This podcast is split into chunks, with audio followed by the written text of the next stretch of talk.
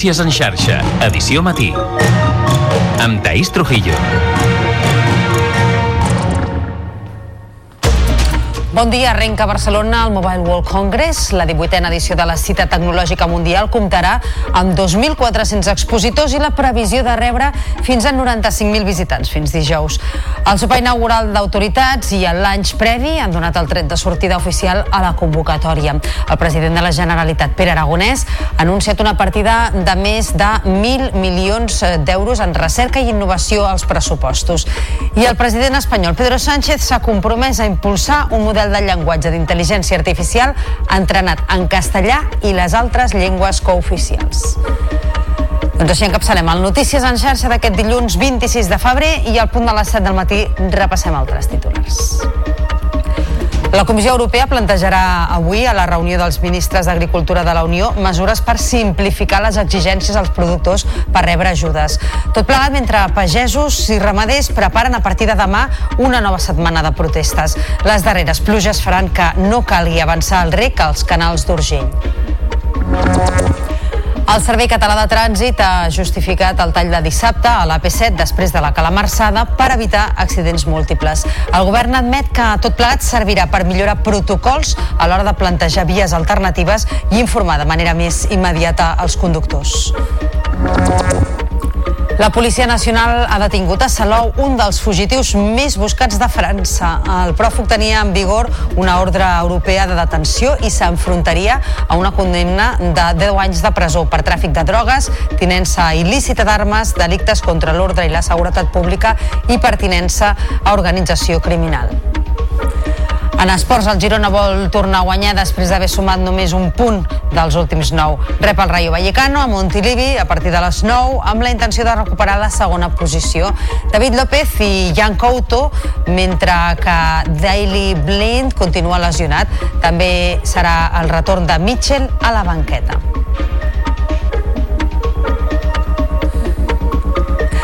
Repassats els titulars, ara obrim àrea de serveis. En primer lloc volem saber com se circula aquesta hora a la xarxa viària catalana. Per tant, connectem amb el RAC. Àlex Huguet, bon dia. Molt bon dia. S'ha produït un accident fa poca estona a la Ronda de Dalt en sentit Trinitat, on hi ha 4 quilòmetres de congestió ja a l'altura d'Horta i només hi ha un carril obert. Alguns punts principals van força plens, com la P7 al Papiol, amb 2 quilòmetres en sentit sud, arribant a l'enllaç amb la B23, també la C58 des de Montcada, on ja hi ha 3 quilòmetres d'aturades arribant a Barcelona, i a les rondes també hi ha els trams habituals força plens, amb 4 quilòmetres a la B20 en sentit sud, molta lentitud a Santa Coloma i al nus de la Trinitat i fins a la Guinaueta, i a la litoral també en sentit Llobregat hi ha 5 quilòmetres més de cues des de Sant Adrià fins passat el Poble Nou. És tot des del RAC. Bon dia. I ara tanquem portada amb la previsió del temps. Lluís Miquel Pérez, molt bon dia.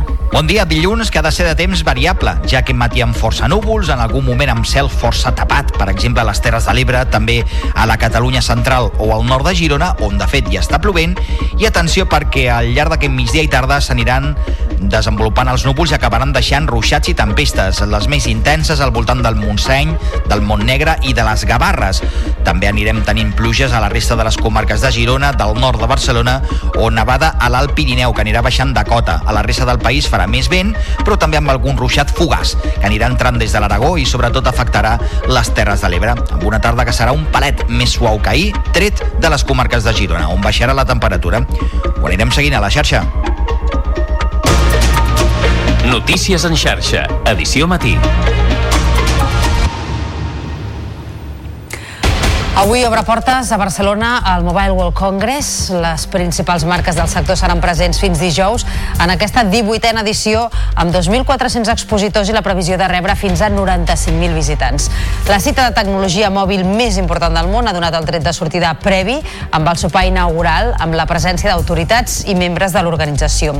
La intel·ligència artificial tindrà enguany un gran protagonisme i el president del govern espanyol, Pedro Sánchez, ha aprofitat l'ocasió per anunciar la creació d'un model model de llenguatge d'aquesta eina en castellà i les altres llengües cooficials.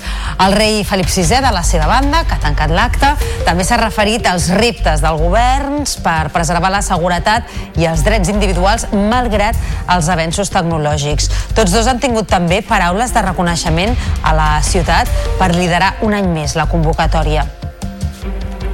Sempre és un plaer tornar a Barcelona i fer-ho per una ocasió com aquesta en la qual la ciutat es converteix durant uns dies al Centre Internacional de les Tecnologies Mòbils. Un centre indiscutible, avalat per les xifres que l'acompanyen. Enhorabona.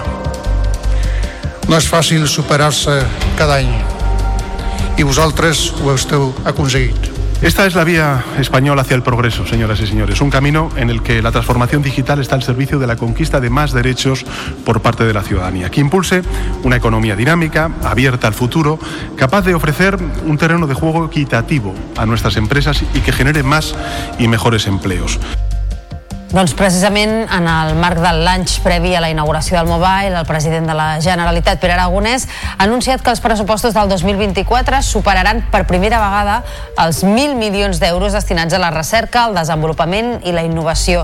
Durant l'acte, que ha congregat unes 300 persones de l'ecosistema digital a la Fundació Antoni Tàpies, el president ha instat al sector a aprofitar l'oportunitat de la cita tecnològica per enfortir el lideratge en aquest àmbit. Una mostra de l'aposta d'aquest govern per una reindustrialització del país basada en el coneixement i una mostra també doncs, de que sabem prioritzar els recursos allà on hi ha més retorn, no només econòmic, no només en forma de llocs de treball. Avui tenim la taxa d'atur més baixa dels darrers 15 anys, sinó sobretot en forma d'oportunitats per tothom. Aquest any l'empremta catalana al Mobile serà més gran, amb 360 empreses participants, un rècord en la història del Saló, que també vol impulsar l'ecosistema local. Entre els projectes que hi seran presents en destaquen alguns dedicats a la ciberseguretat. És el cas, per exemple, d'Apollo Analytics. La Gisela Jimeno ha parlat amb els seus responsables. En aquesta empresa ubicada a Barcelona, el seu producte estrella és l'Apolo, una eina que treballa amb intel·ligència artificial per protegir a les empreses dels ciberdelinqüents cada dia de la setmana i a qualsevol hora. No es pot protegir allò que no es veu i per tant necessitem algun element que ens permeti veure les xarxes com estan funcionant per saber si està entrant algun dels dolents, algun dels ciberdelinqüents. El que sempre diem primers és fer un anàlisi de, de vulnerabilitats, veure els forats que tens, és a dir, com com és el metge i fas un anàlisi de sang, i un cop això el que fem és, amb el nostre servei de CISO, que el que afecta és més a la part directiva, fer un pla de seguretat. Precisament aquest sistema de seguretat és el que presentaran en aquesta pròxima edició del Mobile World Congress. D'allà n'esperen obtenir coneixements i possibles clients. Per prevenir possibles atacs, el més important és la formació, la inversió en ciberseguretat i l'actualització constant d'aquests sistemes de seguretat, factors que no es tenen en compte encara a moltes empreses. Uh, realment les empreses tenen molt poca consciència, diria fins i tot irresponsabilitat, de vegades de no invertir doncs, una sèrie de diners i que després han de pagar els ciberdelinqüents fortunes. I és que encara avui dia és impossible evitar els ciberatacs, però sí prevenir-los per mitigar les conseqüències. I els hotelers es preparen per rebre els visitants i congressistes del Mobile. El sector treballa amb la previsió d'arribar a un 95% d'ocupació.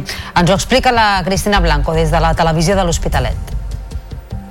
Els hotels de l'Hospitalet ja ho tenen tot a punt per rebre els visitants i congressistes al Mobile World Congress, que arrenca aquest dilluns al recinte de Fira Gran Via. Josep Maria Huguet, delegat de l'Hospitalet del Gremi d'Hotels de Barcelona, ha destacat el gran impacte econòmic que genera a la ciutat comtal la fira més gran del món de telefonia mòbil. L'impacte econòmic és important perquè en un conjunt amb la ciutat de Barcelona té un impacte de 500 milions de, d'euros, que això pues, va repartit entre totes les, les persones que, que actuen dintre d'un aconteixement com aquest, no? tant els hotels com la, els restaurants i, bueno, i les botigues. Té una repercussió important. Els organitzadors del Mobile World Congress preveuen superar els 95.000 visitants, xifra que creix respecte a l'edició anterior i amb una ocupació hotelera de més d'un 95%.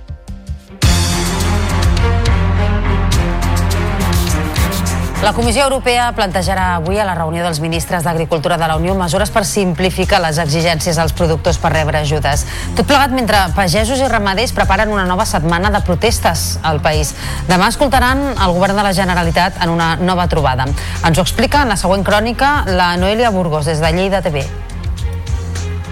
Després de fer autocrítica de les mobilitzacions que la plataforma pagesa ha dut a terme en les darreres setmanes, els pagesos afirmen que encara no han aconseguit res i que continuaran amb les protestes durant els propers dies. El 27 de febrer tindran una reunió amb el govern on esperen que es faci cas a les seves exigències. Serà a partir d'aquest dia quan tornin els talls a les carreteres. Ens estem fent veure sembla que ens volen escoltar, però per d'altra banda, quan surts d'allà, al cap de dos dies te treuen un ajut de la sequera que no era el que, ten... que no era el que havíem parlat allà a la taula.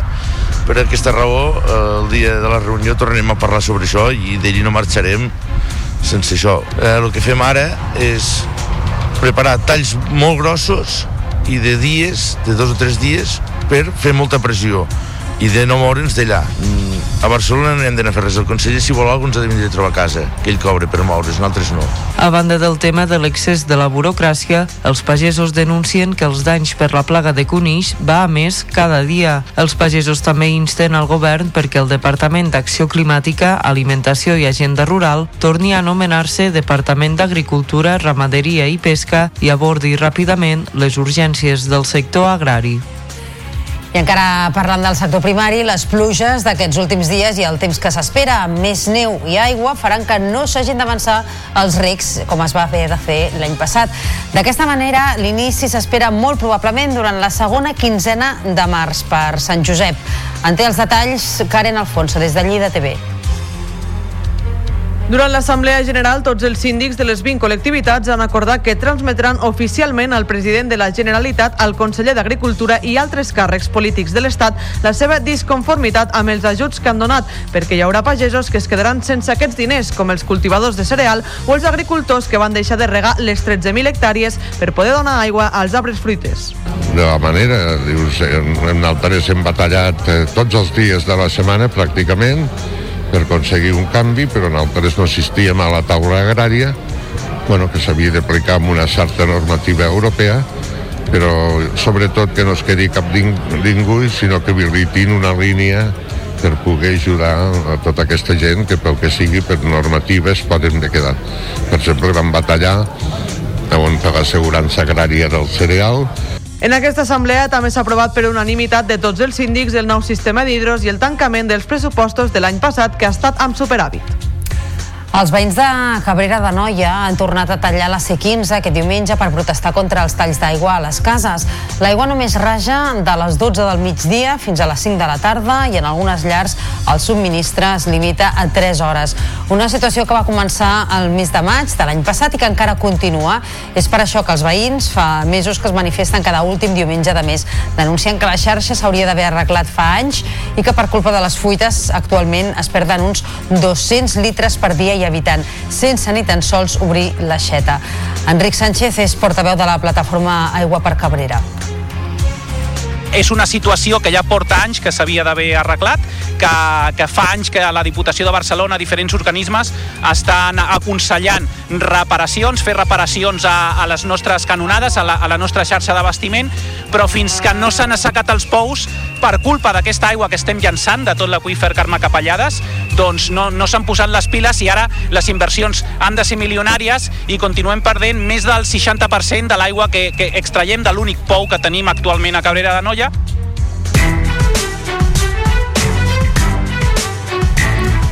El tall de l'AP7 i la C25 aquest dissabte per la calamarsada va deixar centenars de conductors atrapats durant més de 5 hores. En declaracions a la xarxa, el director del Servei Català de Trànsit, Ramon Lamiel, ha justificat el tall per evitar accidents múltiples, tot i que també ha admès que servirà de reflexió per millorar protocols pel desviament del trànsit cap a altres vies, així com també per millorar la informació immediata que es dona als conductors. Ens ho explica la Carme de Fet. Molts conductors s'hi van estar més de 5 hores a l'autopista sense poder avançar a causa del gel acumulat a les vies. No sé per què no podem passar, o sigui, no sé si s'ha fet gel o què ha passat. El que no entenc és que baixin els d'aquí i nosaltres no puguem passar cap allà. Eh, Hem sortit de Matadepera a les 6 de la tarda i són les 10 i encara estem aquí aturats. Una, una trista pedregada tallin l'autopista d'aquesta manera és molt denigrant, això, eh? La decisió d'aturar el trànsit té una explicació. Evita un accident múltiple com el que es va produir fa dos anys a la C32 amb un resultat de 16 ferits. Per què es fa això? Per prevenir aquest xoc múltiple que amb ferits o sense, llavors fa molt difícil eh, la gestió de la via i la retirada d'aquests vehicles, l'entrada de les grues i la congestió es pot multiplicar. En tot cas, Trànsit assegura que l'experiència servirà per millorar els protocols. Com podem arribar de la millor manera que podem arribar a dintre del vehicle per informar millor el conductor i, per tant, que no vagi contra l'embús que ja hi ha a la carretera. I l'altre és balancejar el trànsit i, per tant, en el punt que hi hagi una doble via, hi hagi una via d'alta capacitat, balancejar-lo cap a aquella via d'alta capacitat. La màquina llevaneus que va actuar a la P7 en sentit sud va permetre reobrir abans el trànsit. En sentit nord es va complicar perquè la màquina va quedar atrapada per un accident a la cua. Aquests problemes van ser dissabte i precisament avui dilluns entren en vigor les restriccions temporals a la circulació dissenyades pel Servei Català de Trànsit que limiten per primer cop els vehicles pesants en determinades carreteres de la xarxa viària catalana. Les mesures vigents durant aquest 2024 s'estableixen en dies festius, en períodes de vacances i desplaçaments massius de vehicles o bé en d'altres circumstàncies que puguin afectar les condicions de la circulació. L'objectiu de la mesura és garantir la mobilitat dels usuaris i la fluidesa de la xarxa viària, així com també millorar la seguretat dels conductors. Notícies en xarxa. Tota la informació al teu abast. Passarà un minut d'un quart de vuit del matí, l'entorn de les Tres Xamaneies a Badalona canviarà radicalment en els pròxims mesos, fent possible una reivindicació històrica del veïnat del barri de la Mora. Ahir va començar l'enderroc del mur del carrer d'Eduard Maristany, que és una actuació que permetrà remodelar la via i millorar la connexió pel litoral entre Badalona i Barcelona per Sant Adrià de Besòs. En té més detalls la Judit Larios, de Televisió de Badalona. Després d'un compte enrere i entre aplaudiments, l'excavadora començava a tirar a terra els primers totxos de la paret. Els veïns tant de la Mora com d'altres barris de Badalona no s'han volgut perdre un moment que per ells era històric. La demolició del mur d'Eduard Maristany se'ls havia promès des de feia anys i per això l'han presenciat amb incredulitat. Nosotros llevamos viviendo en el barrio desde el 2009 y eso ha sido una, una promesa incumplida año tras año tras año. Esto es como, como un sueño cumplido, vamos. Solem caminar per aquí, anem fins a Adrià, anem i la veritat és que quan estigui acabat doncs passarem molt millor per aquí. Amb aquesta reforma, el carrer passarà dels 9 metres d'ample actuals a 21. Així tindrà espai no només per als vehicles, sinó que també hi haurà voreres per a vianants i un carril bici. Fins ara, un semàfor alterna el pas de les dues direccions a la marxa, ja que l'amplada del vial només permet la circulació en un sentit. El projecte també millorarà la il·luminació, el paviment i el clavegaram. L'execució de les obres s'allargarà 5 mesos i té un pressupost de més d'un milió d'euros. La Policia Nacional ha detingut a Salou al Tarragonès, un dels fugitius més buscats de França. És membre d'una organització dedicada a la venda de drogues i tenia una ordre europea de detenció.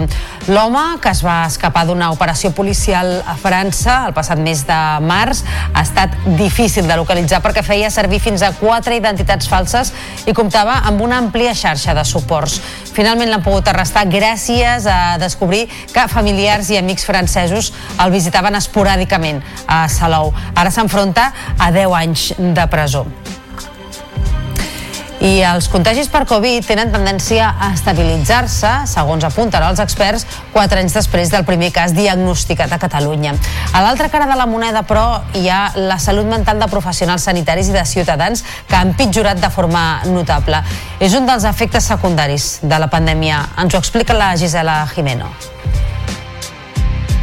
Segons els experts, el nombre de contagis per la Covid ha disminuït de forma significativa aquestes setmanes. Així tot, recomanen que els ciutadans es continuïn vacunant, especialment els grups més vulnerables. Les persones que estan vacunades tenen menys probabilitat clarament d'acabar ingressades, d'acabar amb una pneumònia, d'acabar la UCI i de morir. Això vol dir que seguim recomanant la vacunació per protegir aquells grups en els quals aquestes complicacions són més freqüents i això vol dir bàsicament persones de més de 60 65 anys d'edat i especialment totes aquelles que tenen malalties greus. Fins ara la sensació de contagis amb el virus era força alta, segons diuen, perquè els primers anys de la pandèmia vàrem estar molt protegits, tancats a casa i amb mascaretes. Això va canviar la dinàmica normal de la circulació d'altres virus. A l'any 2020, de forma excepcional, no va haver-hi grip. Això fa molts, molts, molts anys que no passava.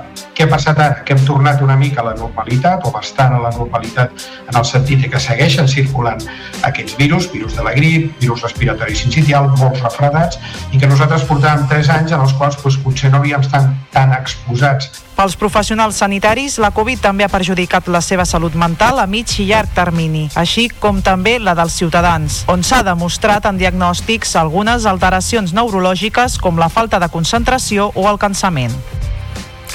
El nombre de mascotes que tenim a casa no deixa d'augmentar i cada vegada és més habitual que les vulguem portar a tot arreu. Com per exemple quan anem de vacances. Cada vegada són més les companyies aèries que permeten portar-les a la cabina durant el vol i qui té mascota es pot preguntar quines condicions s'han de complir. El Joan Ferrer ha seguit una gosseta que viatja en avió, la Vilma, i respon a uns quants dubtes.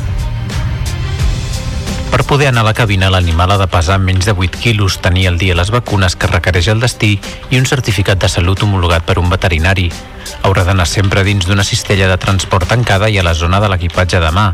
Ho explica Elias Emerziev de Turkish Airlines. No se puede sacar, debe estar en su caja. Para la cabina debe ser rígida porque se debe uh, manipular y meter abajo del asiento del, del, asiento de frente. Cada día tenemos más y más uh, pasajeros que quieren volar con las mascotas, por eso está bien siempre reservarlo con atención porque hay un límite de animales a bordo. Com a màxim hi pot haver tres animals en un mateix vol i no poden coincidir, per exemple, un gat i un gos al mateix espai i si algun passatger és al·lèrgic tindrà prioritat qui ho hagi notificat abans de la companyia.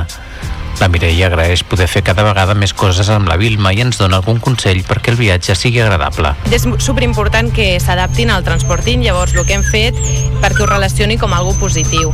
Superimportant que durant els primers dies que està el transportin a casa ficar-li una manteta, ficar-li joguines i premis i que ella, ella vagi entrant i sortint. Llavors, cada cop que va passant els dies hem anat augmentant l'estona que passava dins del transportin. També és molt important que abans de venir a l'aeroport faci una mica d'activitat física més habitual i faci jocs eh, mentals, com poden ser olfatius, perquè quan arribi l'avió pugui aprofitar tota l'estona al màxim temps possible per descansar. Les mascotes més grans s'hauran de continuar anant a la bodega.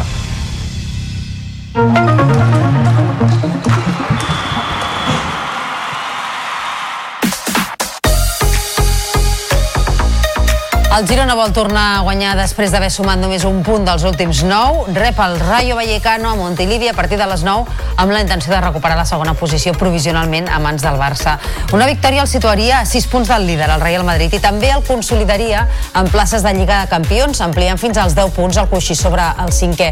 Tornen a la convocatòria David López i Jan Couto, mentre que Daily Blind continua lesionat. També serà el retorn de Mitchell a la banqueta després de dos partits sancionat. Tenint el repte d'anar a Europa i, i d'anar a Champions. I, i hem de mirar aquests objectius eh, cara a cara eh, con la dificultat que té però eh, penso que són capaços d'estar de, en la pelea. Però necessitem fer la nostra millor versió. Si no eh, podem perdre en qualsevol rival el Barça presentarà aquest migdia oficialment Ricky Rubio, el del Masnou, que ja ha tornat a les pistes amb la selecció. S'espera que ho faci en breu també amb el Barça. Torna, però, tocat dels compromisos amb el combinat, ja que ahir va patir una sobrecàrrega al genoll en la derrota davant Bèlgica. El proper partit dels Blaugrana serà divendres davant el Mónaco a l'Eurolliga, mentre que la Lliga diumenge rebrà el Casademont Saragossa. L'Espart Girona va encaixar la segona derrota consecutiva a la Lliga Femenina, va caure a la pista del Jairis per 69 a 65, tot i guanyar de 5 punts al descans. L'encert exterior del rival a la segona meitat va capgirar el marcador i va acabar deixant la victòria a la pista murciana. Mariana Tolo es va haver de retirar amb problemes físics i podria perdre's el partit de tornada dels quarts de l'Eurocup que l'equip disputarà dijous a Istanbul. I a la Parlem Hockey Lliga, Calafell i Reus van empatar a 3 en un dels partits més destacats de la jornada. Va ser un duel d'igualtat màxima. El Calafell va avançar-se amb la Diana d'Arnau Xaus, però un hat-trick de l'ex del Calafell, Martí Casas, va donar avantatge als roig i negres. En els darrers instants de partit, de nou Arnau Xaus i Jan Escala van donar un punt als del Baix Penedès. El Calafell, quart a la taula amb 32 punts, manté els dos punts de diferència respecte als reusencs cinquens. Jepi Selva és eh, jugador del Calafell. L'hoquei és això, té aquestes coses tan magues, per això partits com aquests són tan xulos, un derbi, amb pavelló ple, amb dos equips que juguen molt bé hockey, i l'esport té això i el Calafell té això. El Calafell té que, que sempre hi creu, uh, sempre va al màxim, i a vegades ens pot anar malament, però uh, l'equip hi creu, la gent ens creu i, i dies com avui corroborem que, que amb intensitat i amb ganes i fins a l'últim segon eh, es poden treure punts. Oriol Cardona es va penjar la plata a la prova d'esprint de la Copa del Món d'Esquí de Muntanya disputada a Val Martello, a Itàlia. El de Banyoles va fer un temps de 3 minuts i 18 segons en un final molt ajustat amb el francès Robin Galindo. A la general de la Copa del Món, l'esquiador català és segon per darrere de Tibol Anselmet i seguit de Galindo en tercera posició.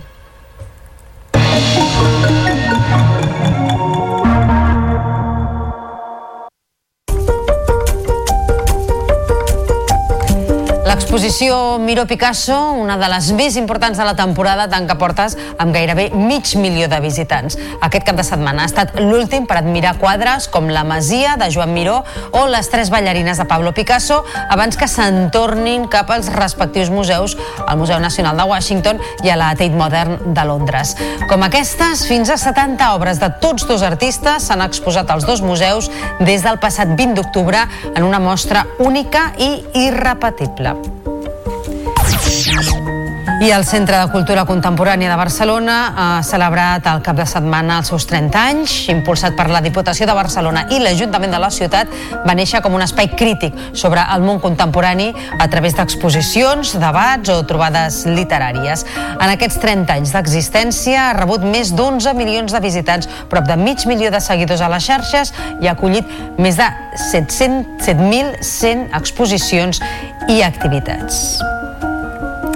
I el Teatre L'Escorxador de Lleida ha celebrat els seus 25 anys amb un cap de setmana carregat d'actes. Actualment l'espai consta de dues sales amb una capacitat d'unes 400 persones en total i es complementa amb l'aula de teatre, el cafè del teatre i dos equipaments del barri. La Karen Alfonso, de la Televisió de Lleida, ens ho explica. El Teatre L'Escorxador porta 25 anys apostant per tota mena d'espectacles, des del teatre fins al circ, monòlegs o la dansa, que ha estat molt present en la celebració. Bueno, per, és importantíssim que els teatres programin dansa perquè bueno, sempre ha sigut una miqueta com la disciplina que ha quedat a, a la voreta i, i és, és importantíssim que, que la gent vagi, que es mogui, que vagi a veure dansa i, i justament treballem per això nosaltres i estem molt convençuts de, de la nostra feina a nivell de divulgació i estem molt contents que aquí es programi dansa que s'hagi apostat per, per aquest espectacle. L'espectacle familiar de dansa contemporània Terra de la companyia Silver Drops Dansa recrea situacions a través de les arrels, la tradició i la vida, tres aspectes que aquest cap de setmana s'han realçat del teatre L'Escorxador, des d'on va néixer, com s'ha convertit en referent cultural de les arts escèniques i totes les companyies i públic que hi han passat durant aquests 25 anys.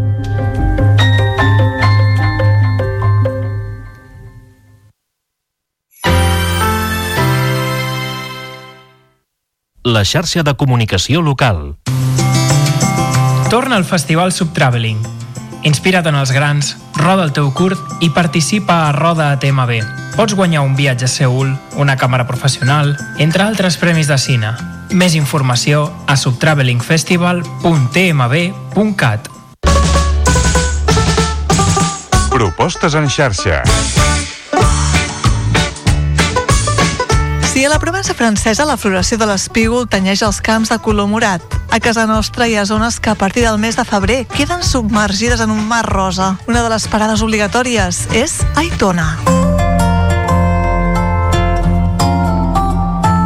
Aitona, al Segrià, és un dels municipis que produeix més préssecs a Europa. Això es tradueix en més de 8.000 hectàrees d'arbres fruiters de diferents varietats. Les setmanes prèvies a l'arribada de la primavera, uns dies amunt, uns dies avall, converteixen Aitona en una postal i de retruc en un punt de trobada de milers de persones que no es volen perdre l'espectacle. Per fer-ho fàcil i oferir la possibilitat de gaudir d'aquesta meravella de la natura, tan màgica com efímera, podeu remenar entre rutes guiades, passejades en bicicleta, visites des de miradors o fins i tot vols en globus. Patrimoni, paisatge i cultura. Aquests són els tres pilars que abracen l'època de floració. Una temporada protagonitzada per colors, aromes i sabors, però també per un catàleg d'experiències que us faran degustar-los.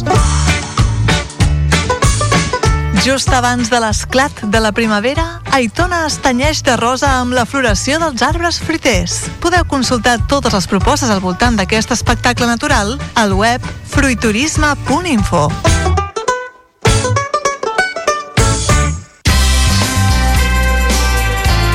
La xarxa de comunicació local.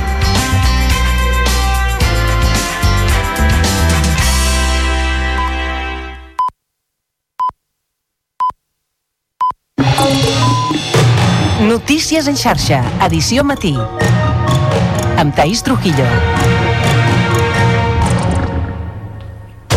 Bon dia, són dos quarts de vuit del matí i avui encapçalem el Notícies en xarxa amb el Mobile World Congress que obre portes aquest dilluns a Barcelona. La 18a edició de la cita tecnològica mundial comptarà amb 2.400 expositors i la previsió de rebre fins a 95.000 visitants fins dijous. El sopar inaugural d'autoritats i a l'any previ han donat el tret de sortida oficial a la convocatòria. El president de la Generalitat, Pere Aragonès, ha anunciat una partida de més de 1.000 milions d'euros en recerca i innovació als pressupostos. I el president espanyol Pedro Sánchez s'ha compromès a impulsar un model de llenguatge d'intel·ligència artificial entrenat en castellà i en les altres llengües cooficials. De seguida us ho ampliem, abans però repassem també altres titulars d'aquest dilluns 26 de febrer. La Comissió Europea plantejarà avui a la reunió dels ministres d'Agricultura de la Unió mesures per simplificar les exigències als productors per rebre ajudes. Tot plegat mentre pagesos i ramaders preparen a partir de demà una nova setmana de protestes. Les darreres pluges faran que no calgui avançar el rec als canals d'Urgell. El Servei Català de Trànsit ha justificat el tall de dissabte a la P7 després de la calamarsada per evitar accidents múltiples. El govern admet que tot plegat servirà per millorar protocols a l'hora de plantejar vies alternatives i d'informar de manera més immediata als conductors. Precisament avui entren en vigor les restriccions temporals a la circulació que limiten per primer cop els vehicles pesants en determinades vies. Ho analitzarem d'aquí a uns minuts amb Carlos Folchi, que és el membre del comitè de Fenadismer i secretari general de l'Associació d'Autònoms Pimes Transportistes de Catalunya. I més qüestions de l'actualitat. Uns 22.000 treballadors de la banca, l'estalvi i les cooperatives de crèdit estan convocats a Catalunya a una vaga parcial aquest dilluns de 8 a 10 del matí. El col·lectiu reclama a les entitats financeres increments salarials concordes amb els beneficis del sector. D'aquí a uns minuts en parlarem d'aquesta qüestió amb Domènec Sadurní, que és secretari general de Comissions Obreres al Banc Sabadell. I en esports, el Girona vol tornar a guanyar després d'haver sumat només un punt dels últims nou. Rep el Rayo Vallecano a Montilivi a partir de les 9 amb la intenció de recuperar la segona posició. Tornen a la convocatòria David López i Jan Couto, mentre que Daily Blind continua lesionat. També serà el retorn de Mitchell a la banqueta. Repassats els titulars, ara obrim plana de serveis. Comencem amb el trànsit. Segons el RAC, només hi ha un carril obert a la Ronda de Dalt, en sentit nord, entre Horta i la Guinaueta, per un accident i causa congestió. En sentit Llobregat, 6 quilòmetres de retencions a la mateixa Ronda de Dalt entre Santa Coloma i la Vall d'Hebron i a la litoral 7 quilòmetres des del nus del Besòs fins a la Barceloneta. Cues i lentitud també a la B23 entre el Papiol i Sant Feliu de Llobregat, a la 2 entre Sant Andreu de la Barca i Pallejà cap a Barcelona i els trams habituals de la C58 en els dos sentits des de Montcada i Reixac. I ara la previsió del temps de cara a aquest dilluns, una setmana que comença amb pluja al nord de Girona i que s'esperen també ruixats durant el dia a la meitat est de Catalunya que poden anar acompanyats de tempestes i calamarsa. Hi ha un avís per intensitat de pluja de perill moderat a partir de les 12 del migdia a les comarques gironines, el Maresme i el Vallès Oriental. Notícies en xarxa, edició matí. Avui obre portes a Barcelona al Mobile World Congress. Les principals marques del sector seran presents fins dijous en aquesta 18a edició amb 2.400 expositors i la previsió de rebre fins a 95.000 visitants. La cita de tecnologia mòbil més important del món ha donat el tret de sortida previ amb el sopar inaugural amb la presència d'autoritats i membres de l'organització. La intel·ligència artificial tindrà enguany un gran protagonisme i el president del govern espanyol, Pedro Sánchez, ha aprofitat l'ocasió per anunciar la creació d'un model de llenguatge d'aquesta eina en castellà i en les altres llengües cooficials. El rei Felip VI, que ha tancat l'acte, també s'ha referit als reptes dels governs per preservar la seguretat i els drets individuals malgrat els avenços tecnològics. Tots dos han tingut també paraules de reconeixement a la ciutat de Barcelona per liderar un any més la convocatòria. Sempre és un plaer tornar a Barcelona i fer-ho per una ocasió com aquesta en la qual la ciutat es converteix durant uns dies al Centre Internacional de les Tecnologies Mòbils. Un centre indiscutible, avalat per les xifres que l'acompanyen. Enhorabona. No és fàcil superar-se cada any i vosaltres ho esteu aconseguit. Esta es la vía española hacia el progreso, señoras y señores. Un camino en el que la transformación digital está al servicio de la conquista de más derechos por parte de la ciudadanía, que impulse una economía dinámica, abierta al futuro, capaz de ofrecer un terreno de juego equitativo a nuestras empresas y que genere más y mejores empleos. Doncs precisament en el marc de l'any previ a la inauguració del Mobile, el president de la Generalitat, Pere Aragonès, ha anunciat que els pressupostos del 2024 superaran per primera vegada els 1.000 milions d'euros destinats a la recerca, al desenvolupament i la innovació.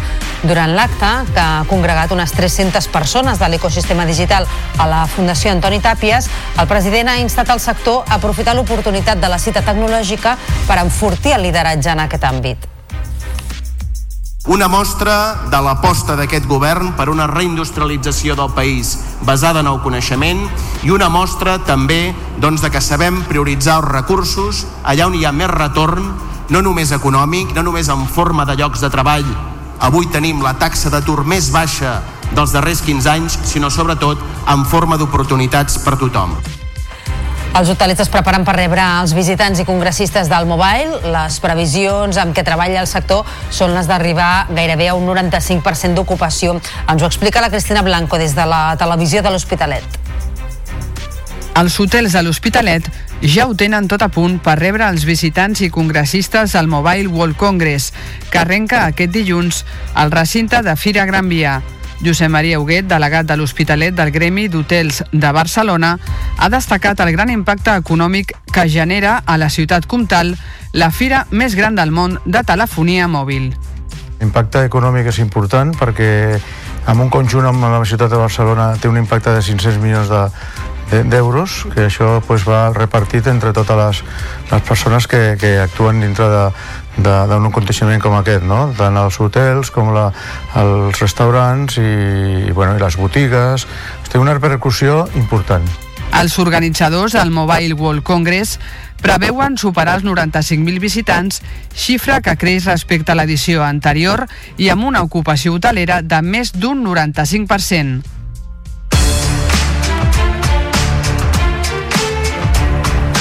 La Comissió Europea plantejarà avui a la reunió dels ministres d'Agricultura de la Unió mesures per simplificar les exigències als productors per rebre ajudes.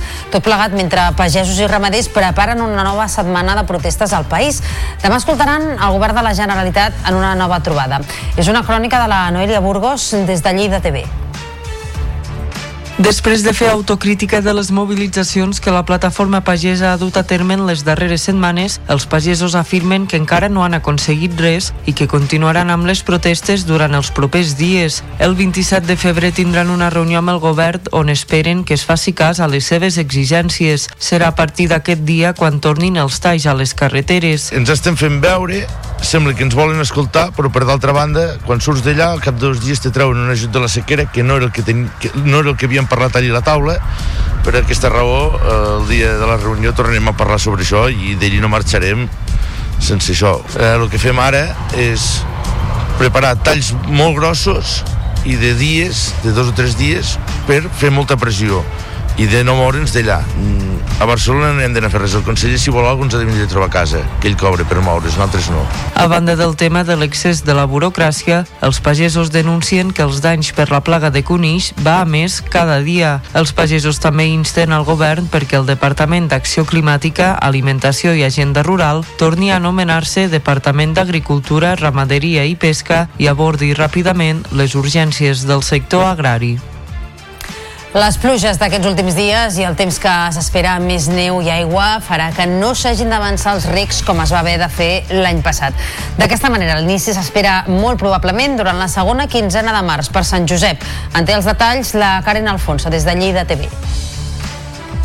Durant l'Assemblea General, tots els síndics de les 20 col·lectivitats han acordat que transmetran oficialment al president de la Generalitat, al conseller d'Agricultura i altres càrrecs polítics de l'Estat la seva disconformitat amb els ajuts que han donat, perquè hi haurà pagesos que es quedaran sense aquests diners, com els cultivadors de cereal o els agricultors que van deixar de regar les 13.000 hectàrees per poder donar aigua als arbres fruiters.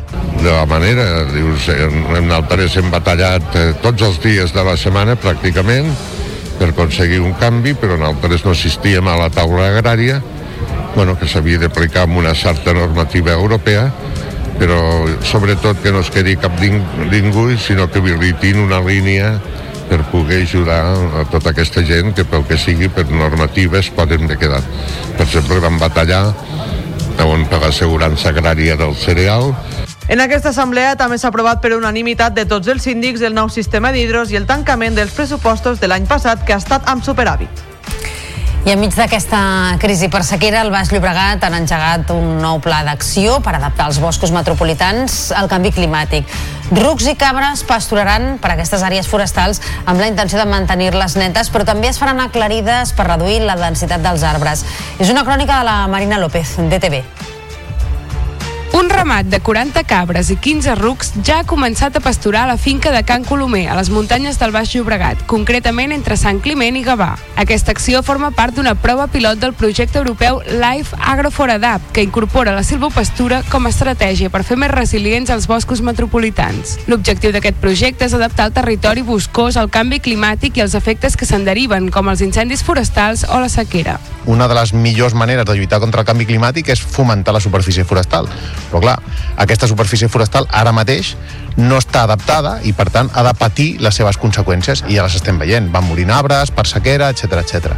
Llavors aquest projecte el que intenta és fomentar la gestió forestal. La gestió forestal, en aquest cas, es farà també a través dels animals, que s'encarregaran del manteniment de l'espai. A més, el pla inclou actuacions forestals com a devassaments o aclarides per reduir la densitat de la massa arbòria, una neteja selectiva del sotabosc i també la construcció d'instal·lacions per al bestiar. Des de l'AMB comenten que la part més interessant serà l'anàlisi que s'anirà fent durant els propers dos anys per veure com funciona la silvopastura i com evoluciona el territori.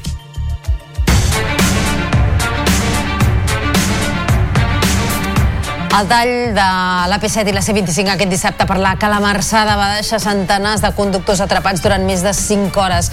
En declaracions a la xarxa, el director del Servei Català de Trànsit, Ramon Lamiel, ha justificat el tall per evitar accidents múltiples, tot i que també ha admès que servirà de reflexió per millorar protocols de desviament del trànsit cap a altres vies, així com per millorar la informació immediata als conductors.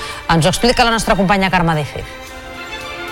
Molts conductors s'hi van estar més de 5 hores a l'autopista sense poder avançar a causa del gel acumulat a les vies. No sé per què no podem passar, o sigui, no sé si s'ha fet gel o què ha passat. El que no entenc és que vagin els d'aquí i nosaltres no puguem passar cap allà. Eh, Hem sortit de Matadepera a les 6 de la tarda i són les 10 i encara estem aquí aturats. Una, una trista pedregada talli l'autopista d'aquesta manera és molt denigrant, això, eh? La decisió d'aturar el trànsit té una explicació. Evita un accident múltiple com el que es va produir fa dos anys a la C32 amb un resultat de 16 ferits. Per què es fa això? Per prevenir aquest xoc múltiple que amb ferits o sense, llavors fa molt difícil eh, la gestió de la via i la retirada d'aquests vehicles, l'entrada de les grues i la congestió es pot multiplicar. En tot cas, Trànsit assegura que l'experiència servirà per millorar els protocols. Com podem arribar de la millor manera que podem arribar a dintre del vehicle per informar millor el conductor i, per tant, que no vagi contra l'embús que ja hi ha a la carretera. I l'altre és balancejar el trànsit i, per tant, en el punt que hi hagi una doble via, hi hagi una via d'alta capacitat, balancejar-lo cap a aquella via d'alta capacitat. La màquina llevaneus que va actuar a la P7 en sentit sud va permetre reobrir abans el trànsit. En sentit nord es va complicar perquè la màquina va quedar atrapada per un accident a la cua. I aquest dilluns entren en vigor les restriccions a la circulació de cara a aquest 2024 dictades pel govern. Són limitacions eh, temporals o permanents a la circulació de vehicles en determinades rutes interurbanes que s'apliquen en dies festius i en períodes de vacances i de desplaçaments massius de vehicles. L'objectiu és garantir la mobilitat dels usuaris i la fluidesa de la xarxa viària. Volem parlar amb Carlos Folchi, que és membre del comitè de Fenadismer i secretari general de l'Associació d'Autònoms Pimes Transportistes de Catalunya. Senyor Folchi, molt bon dia. Hola, molt bon dia. De seguida parlarem d'aquestes eh, restriccions que entren en vigor a partir d'avui, però abans li volíem demanar una valoració sobre el que escoltàvem fa un moment, que eren aquests talls que es van fer a la P7, també a la C25 dissabte, a causa d'una calamarsada i que van provocar uh, una retenció i, i un atrapament per part de molts conductors en aquestes vies. Sí, a veure, la situació que es va produir va ser ben complicada, la, la pedregada va ser del tot imprevisible en els termes en què es va produir. Això va, va comportar el tall de, de la via, de la carretera. Sempre el Servei Català de Trànsit prioritza la seguretat. Eh, el que sí que hauríem de valorar si aquestes 5 hores es podrien reduir en una situació semblant on, on es produeix una pedregada que no és habitual en els termes en el que es va produir i on es produeix aquest tall de via. El que s'ha de treballar és en reduir aquests temps de talls perquè les crítiques anirien dirigides a com de tard va arribar la informació als conductors o a quan es va desviar el trànsit abans de que es trobés en aquesta ratonera, si ho podem dir així, de l'AP7 o què es podria haver fet millor?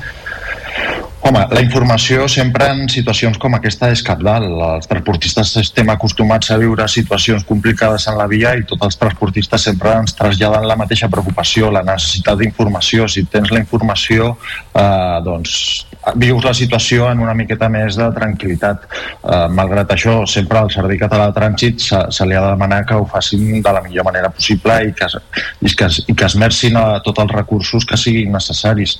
Eh, òbviament la solució era derivar el trànsit cap a, cap a altres vies, però si no es va poder dur a terme en, en, en temps amb anterioritat entenem que és que no era possible per les raons tècniques que fossin. El que s'ha de treballar i el que hem de valorar um, amb el Servei Català de Trànsit és on, o quins, quines errades van haver-hi per no poder fer aquesta operació de derivació amb, amb més antelació. Senyor Folchi, l'hem trucat avui també sobretot per, per parlar d'aquestes uh, restriccions que entren en vigor avui mateix, el govern les ha publicat en un, en un decret i avui, Correcte. dia 26 de febrer, és quan es comencen a aplicar. Quines són aquestes principals restriccions de cara al 2024 i com varien respecte a les que hi havia abans per als camions? A veure, variacions importants no no n'hi ha hagut del 2023 al 2024.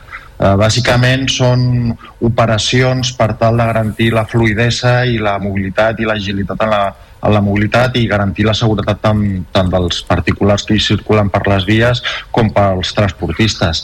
Uh, el fet més important és la consolidació a, a l'AP7 i a l'AP2 de les limitacions als caps de setmana per als vehicles passat, passants per tal de que la circulació es faci només per un carril i no a més de 80 km per hora aleshores on hi ha més densitat de, de trànsit de vehicle particular. Eh, des de que es va alliberar l'AP7 hi ha hagut un increment de la intensitat del trànsit, aquesta intensitat del trànsit sí que ha generat situacions d'inseguretat i d'accidents on, on a vegades s'han vist implicats transportistes i la solució que va adoptar en el seu moment la, el Servei Català de Trànsit i la Generalitat de Catalunya era limitar la circulació de vehicles passants, es va, es va valorar fins i tot la prohibició de circulació a determinades hores. Finalment, la negociació entre transportistes i Servei Català de Trànsit es va acordar limitar la velocitat i limitar la possibilitat de fer avançaments i entenem que aquesta que és una solució que és la millor possible dintre de les dificultats que comporta per als transportistes perquè evidentment eh, fa que les operacions de transports vagin més, més lentes del que seria desitjable. Uh -huh. És a dir, en certa manera eh, valoreu positivament aquestes eh, limitacions perquè l'alternativa seria prohibir que els camions hi circulessin durant els caps sí. de setmana. És correcte, un mal menor, correcte. podríem dir així. És un mal menor, és correcte. Sí, i, I aquesta possibilitat de prohibició va estar sobre la taula i per, per criteris només de seguretat, que són absolutament comprensibles, però sempre s'està buscant amb el Servei Català de Trànsit compatibilitzar l'ús de la via, una via que és una via capdalt per, per les exportacions de mercaderies, que és una artèria principal també per la mobilitat privada i entenem que es tinguin que adoptar mesures doncs, que siguin de vegades complicades per nosaltres, per transportistes. També demanem perquè, clar, nosaltres no podem circular per la Nacional 240, per la 340, són vies que van paral·leles a la P7, a la P2, són vies on en el seu moment se'ns va prohibir la circulació i se'ns va obligar a circular per l'AP7 ara que, que l'AP7 s'han tret els peatges una de les reivindicacions que fem com a sector és poder tornar a circular per la Nacional 2, per la Nacional 340, per la Nacional 2, que són vies que tenen una molt baixa densitat de trànsit i que jo crec, bueno, creiem com a associació representativa del sector transports que, que faria que, que, que el trànsit per la P7 fos més lleuger i fos, fos molt, molt més fàcil. Però bueno, ja, evidentment aquestes vies passen per dintre de, de pobles, de, del Maresme i de més, i entenem que per part dels ajuntaments no hi ha gaire interès. Senyor Folchi, gràcies per les seves declaracions. Bon dia, fins a la propera. Un plaer, moltes gràcies a vostès. Notícies en xarxa. Els primers en explicar-te la informació més propera.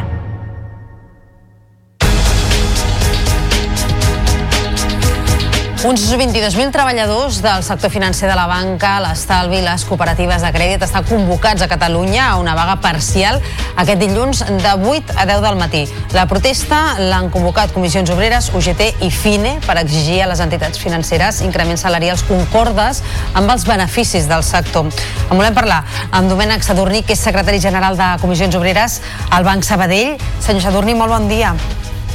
Hola, molt bon dia. Quines són les demandes que, que fan amb aquesta aturada, les demandes concretes?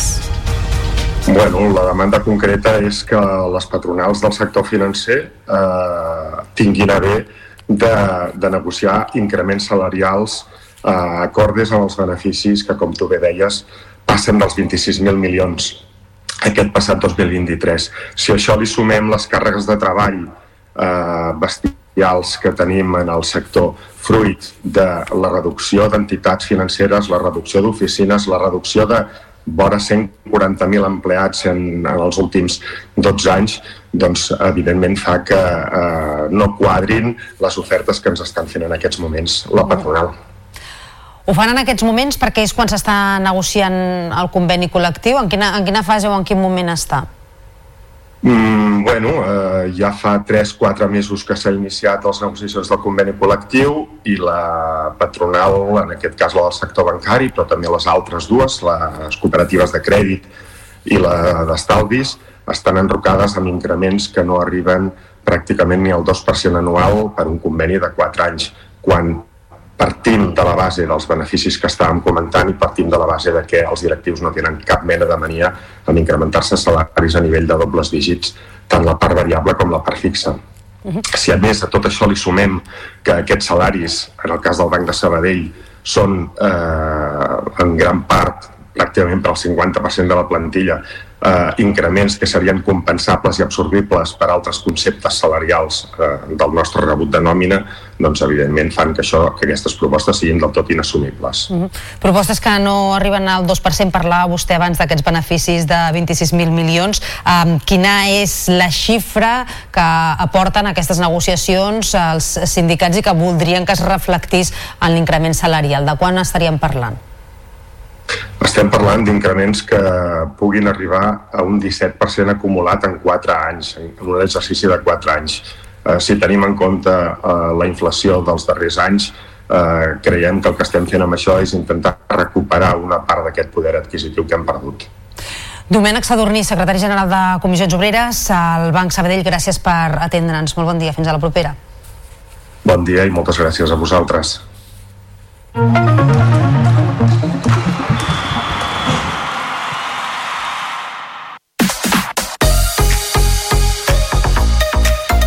Girona vol tornar a guanyar després d'haver sumat només un punt dels últims 9. Rep el Rayo Vallecano a Montilivi a partir de les 9 amb la intenció de recuperar la segona posició provisionalment a mans del Barça. Una victòria el situaria a 6 punts del líder, el Real Madrid. Tornen a la convocatòria David López i Jan Couto, mentre que Daily Blind continua lesionat. També serà el retorn de Mitchell a la banqueta després de dos partits sancionat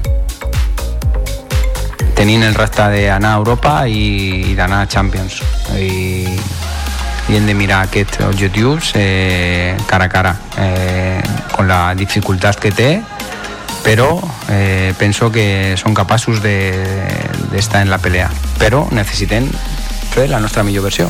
Si no, eh, podem perdre en qualsevol rival. El Barça presentarà aquest migdia oficialment Ricky Rubio, el del Masnou, que ja ha tornat a les pistes amb la selecció. S'espera que ho faci en breu també amb el Barça.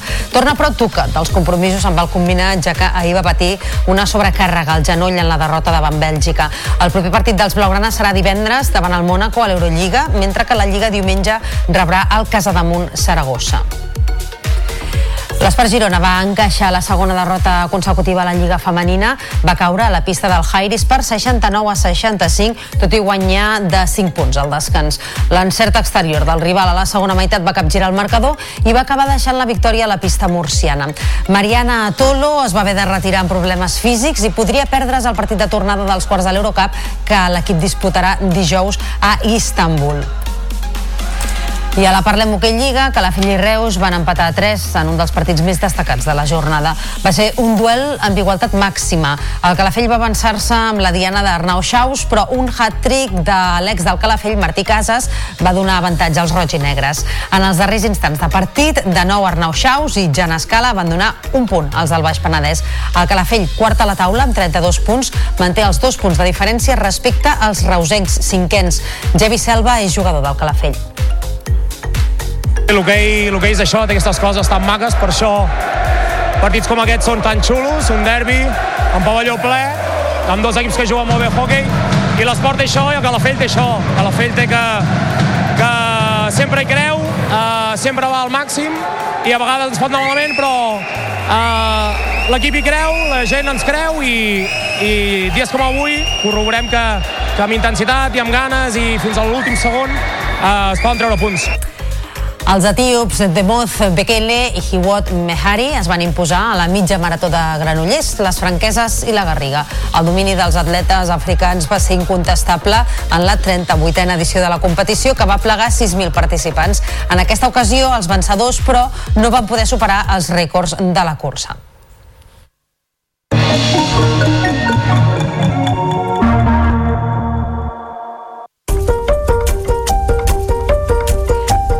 L'exposició Miro Picasso, una de les més importants de la temporada, tanca portes amb gairebé mig milió de visitants. Aquest cap de setmana ha estat l'últim per admirar quadres com La Masia, de Joan Miró, o Les tres ballarines, de Pablo Picasso, abans que se'n tornin cap als respectius museus, al Museu Nacional de Washington i a la Tate Modern de Londres. Com aquestes, fins a 70 obres de tots dos artistes s'han exposat als dos museus des del passat 20 d'octubre en una mostra única i irrepetible. I el Centre de Cultura Contemporània de Barcelona ha celebrat el cap de setmana els seus 30 anys. Impulsat per la Diputació de Barcelona i l'Ajuntament de la ciutat, va néixer com un espai crític sobre el món contemporani a través d'exposicions, debats o trobades literàries. En aquests 30 anys d'existència ha rebut més d'11 milions de visitants, prop de mig milió de seguidors a les xarxes i ha acollit més de 7.100 exposicions i activitats.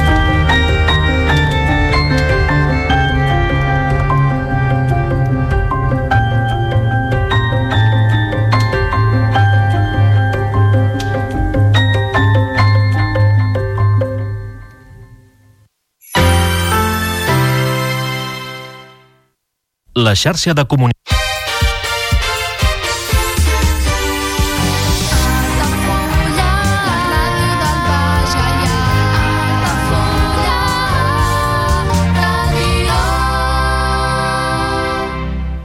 Ja coneixes les propostes que t'ofereix el Club Marítim Altafulla? Vine i descobreix totes les nostres activitats. Sortides en caiac o pa del surf, cursos de vela per a totes les edats. No t'ho perdis. Club Marítim Altafulla. Obert tot l'any i per a tothom. Comunions 2024. Dates ja disponibles amb sales privades, jardí, pàrquing privat i la millor gastronomia. Més informació i reserves al 977 65 11 55 i a comercial arroba altafullamarotel.com o al web altafullamarotel.com. Les teves celebracions familiars a l'Altafulla Mar Hotel.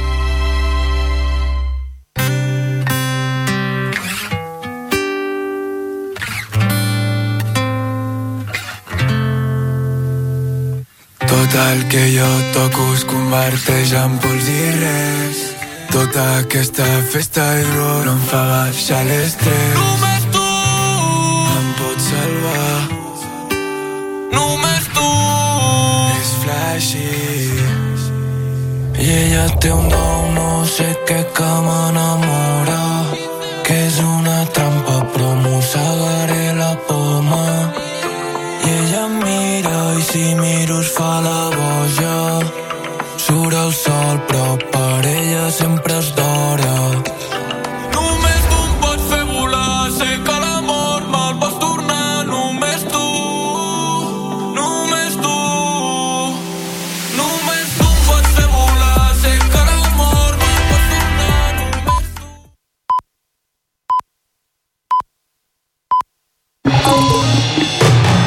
Notícies en xarxa, edició matí. Amb Taís Trujillo. Bon dia, arrenca Barcelona el Mobile World Congress. La 18a edició de la cita tecnològica mundial comptarà amb 2.400 expositors i la previsió de rebre fins a 95.000 visitants fins dijous. El sopar inaugural d'autoritats i el l'any previ han donat el tret de sortida oficial a la convocatòria. El president de la Generalitat, Pere Aragonès, ha anunciat una partida de més de 1.000 milions d'euros en recerca i innovació als pressupostos. I el president espanyol, Pedro Sánchez, s'ha compromès a impulsar un model de llenguatge d'intel·ligència artificial entrenat en castellà i les altres llengües cooficials.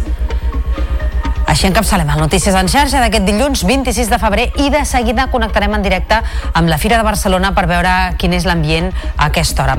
Abans i al punt de les 8 del matí repassem la resta de titulars. La Comissió Europea plantejarà avui a la reunió dels ministres d'Agricultura de la Unió mesures per simplificar les exigències als productors per rebre ajudes. Tot plegat mentre pagesos i ramaders preparen a partir de demà una nova setmana de protestes. Les darreres pluges faran que no calgui avançar el rec als canals d'Urgell.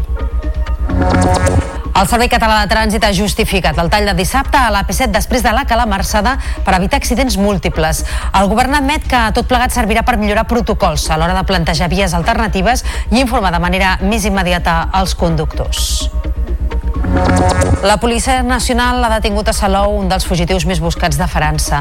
El pròfug tenia en vigor una ordre europea de detenció i s'enfrontaria a una condemna de 10 anys de presó per tràfic de drogues, tinença il·lícita d'armes, delictes contra l'ordre i la seguretat pública i pertinença a organització criminal. I en esports el Girona vol tornar a guanyar després d'haver sumat només un punt dels últims nou. Rep el Rayo Vallecano a Montilivi a partir de les 9 amb la intenció de recuperar la segona posició. Tornen a la convocatòria David López i Jan Couto, mentre que Daily Blind continua lesionat. També serà el retorn de Mitchell a la banqueta. Repassats els titulars, ara obrim àrea de serveis. En primer lloc volem saber quin temps farà de cara a aquesta jornada de dilluns. Per tant, connectem amb el Lluís Miquel Pérez. Molt bon dia. Bon dia, Taís. Doncs una jornada que serà bastant variable. Podríem dir que tindrem un còctel de fenòmens meteorològics i no en faltarà gairebé cap ni un a casa nostra. De moment, aquest matí, molts núvols, són més espessos amb alguna boira i tot en alguns altiplans de la Catalunya central i també ja comencen a caure les primeres pluges a l'Alt Empordà, aproximadament ja a tocar de França, bàsicament. Però atenció perquè al llarg del matí ja anirem tenint més xàfecs i més pluges a gran part de les comarques de Girona. També algunes nevadetes intermitents, de moment molt poca cosa al Pirineu. I el matí que està sent una mica més fresquet que no pas ahir. Atenció perquè aquesta tarda els ruixats i les tempestes afectaran gran part de l'àrea metropolitana de Barcelona i de les comarques de Girona. I com va passar el dissabte, que consti en acte, al Vallès Oriental, a la Selva i al Maresme tindrem molts números de noves calamarsades. Nevada al Pirineu, que aquesta propera nit s'anirà fent més important, i també als ports, una bona nevada la que esperem cap a Caro, a la banda de les Terres de l'Ebre. Temperatura que aquesta tarda serà una mica més alta que ahir a les comarques de Tarragona i atenció amb el vent, que es tornarà a reforçar al sud del país. De tot plegat n'estem pendents a la xarxa. I ara fem un cop d'ull també per saber com se circula la xarxa viària catalana. Per tant, connectem amb el Servei Català de Trànsit. Mireia Camats, bon dia.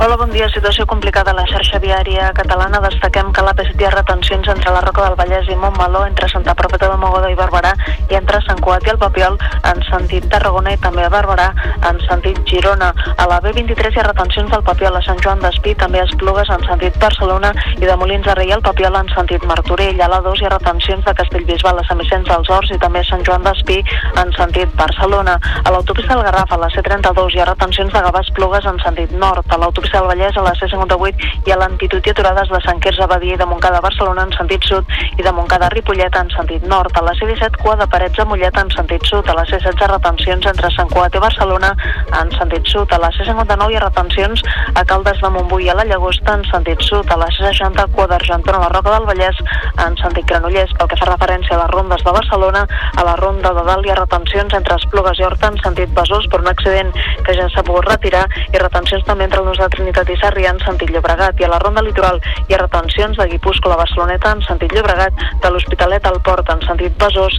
i de Guipúscoa al Nus en sentit Besòs. És tot des del Servei Català de Trànsit. Bon dia. Notícies en xarxa, edició matí.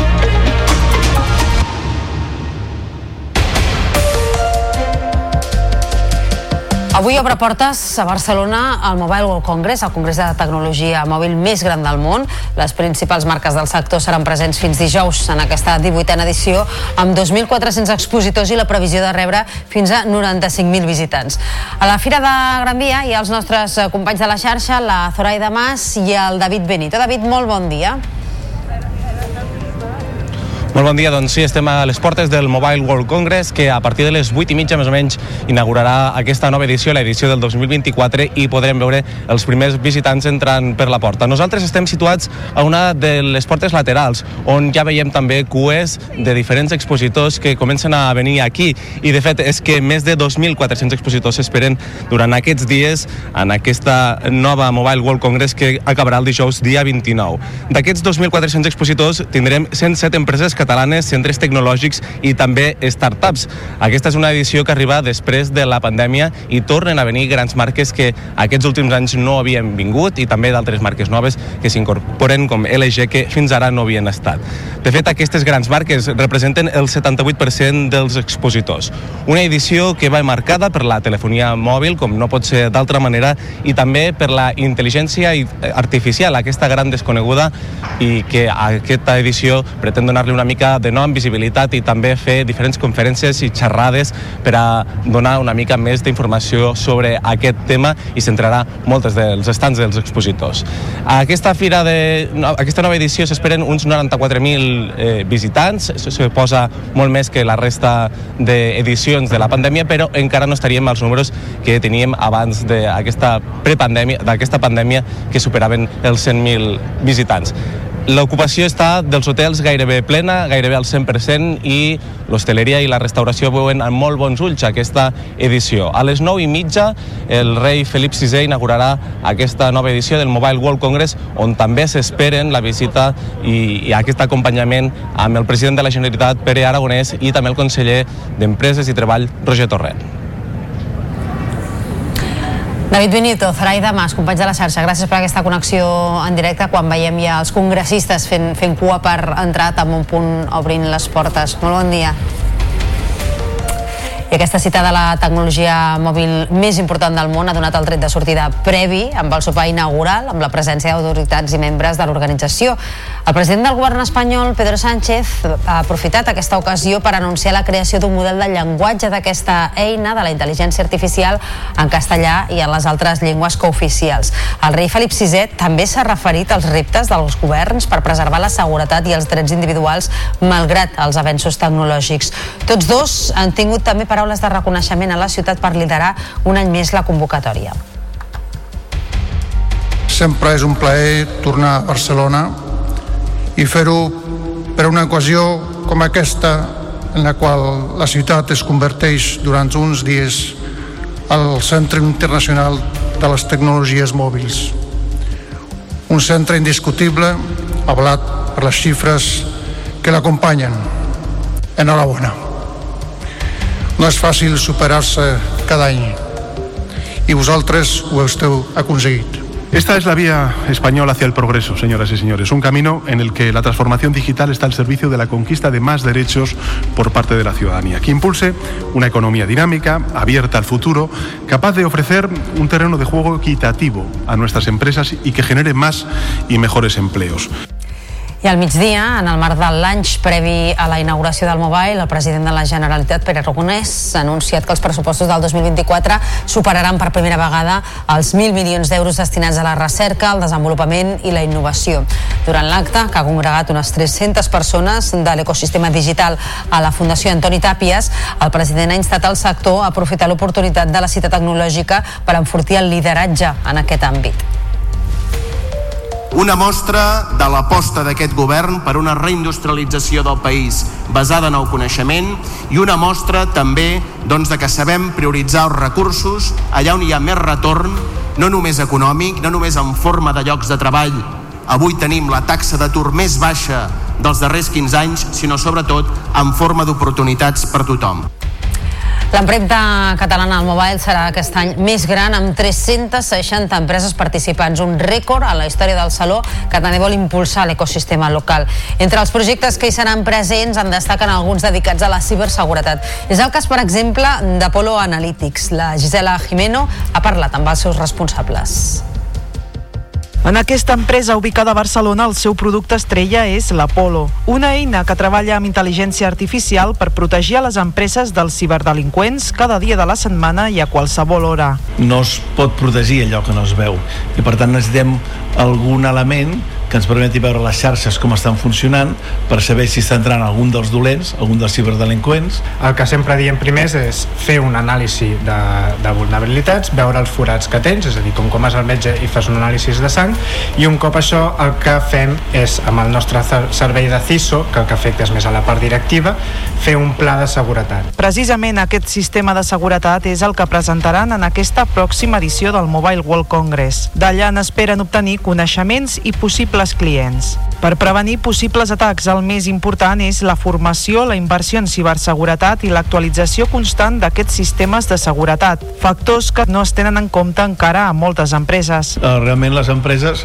tenen molt poca consciència, diria fins i tot irresponsabilitat, de vegades de no invertir doncs, una sèrie de diners i que després han de pagar els ciberdelinqüents fortunes. I és que encara avui dia és impossible evitar els ciberatacs, però sí prevenir-los per mitigar les conseqüències. Els hotelis es preparen per rebre els visitants i congressistes del Mobile. El sector treballa amb la previsió d'arribar a un 95% d'ocupació. Ens ho explica la Cristina Blanco des de la televisió de l'Hospitalet. Els hotels de l'Hospitalet ja ho tenen tot a punt per rebre els visitants i congressistes al Mobile World Congress, que arrenca aquest dilluns al recinte de Fira Gran Via. Josep Maria Huguet, delegat de l'Hospitalet del Gremi d'Hotels de Barcelona, ha destacat el gran impacte econòmic que genera a la ciutat comtal la fira més gran del món de telefonia mòbil.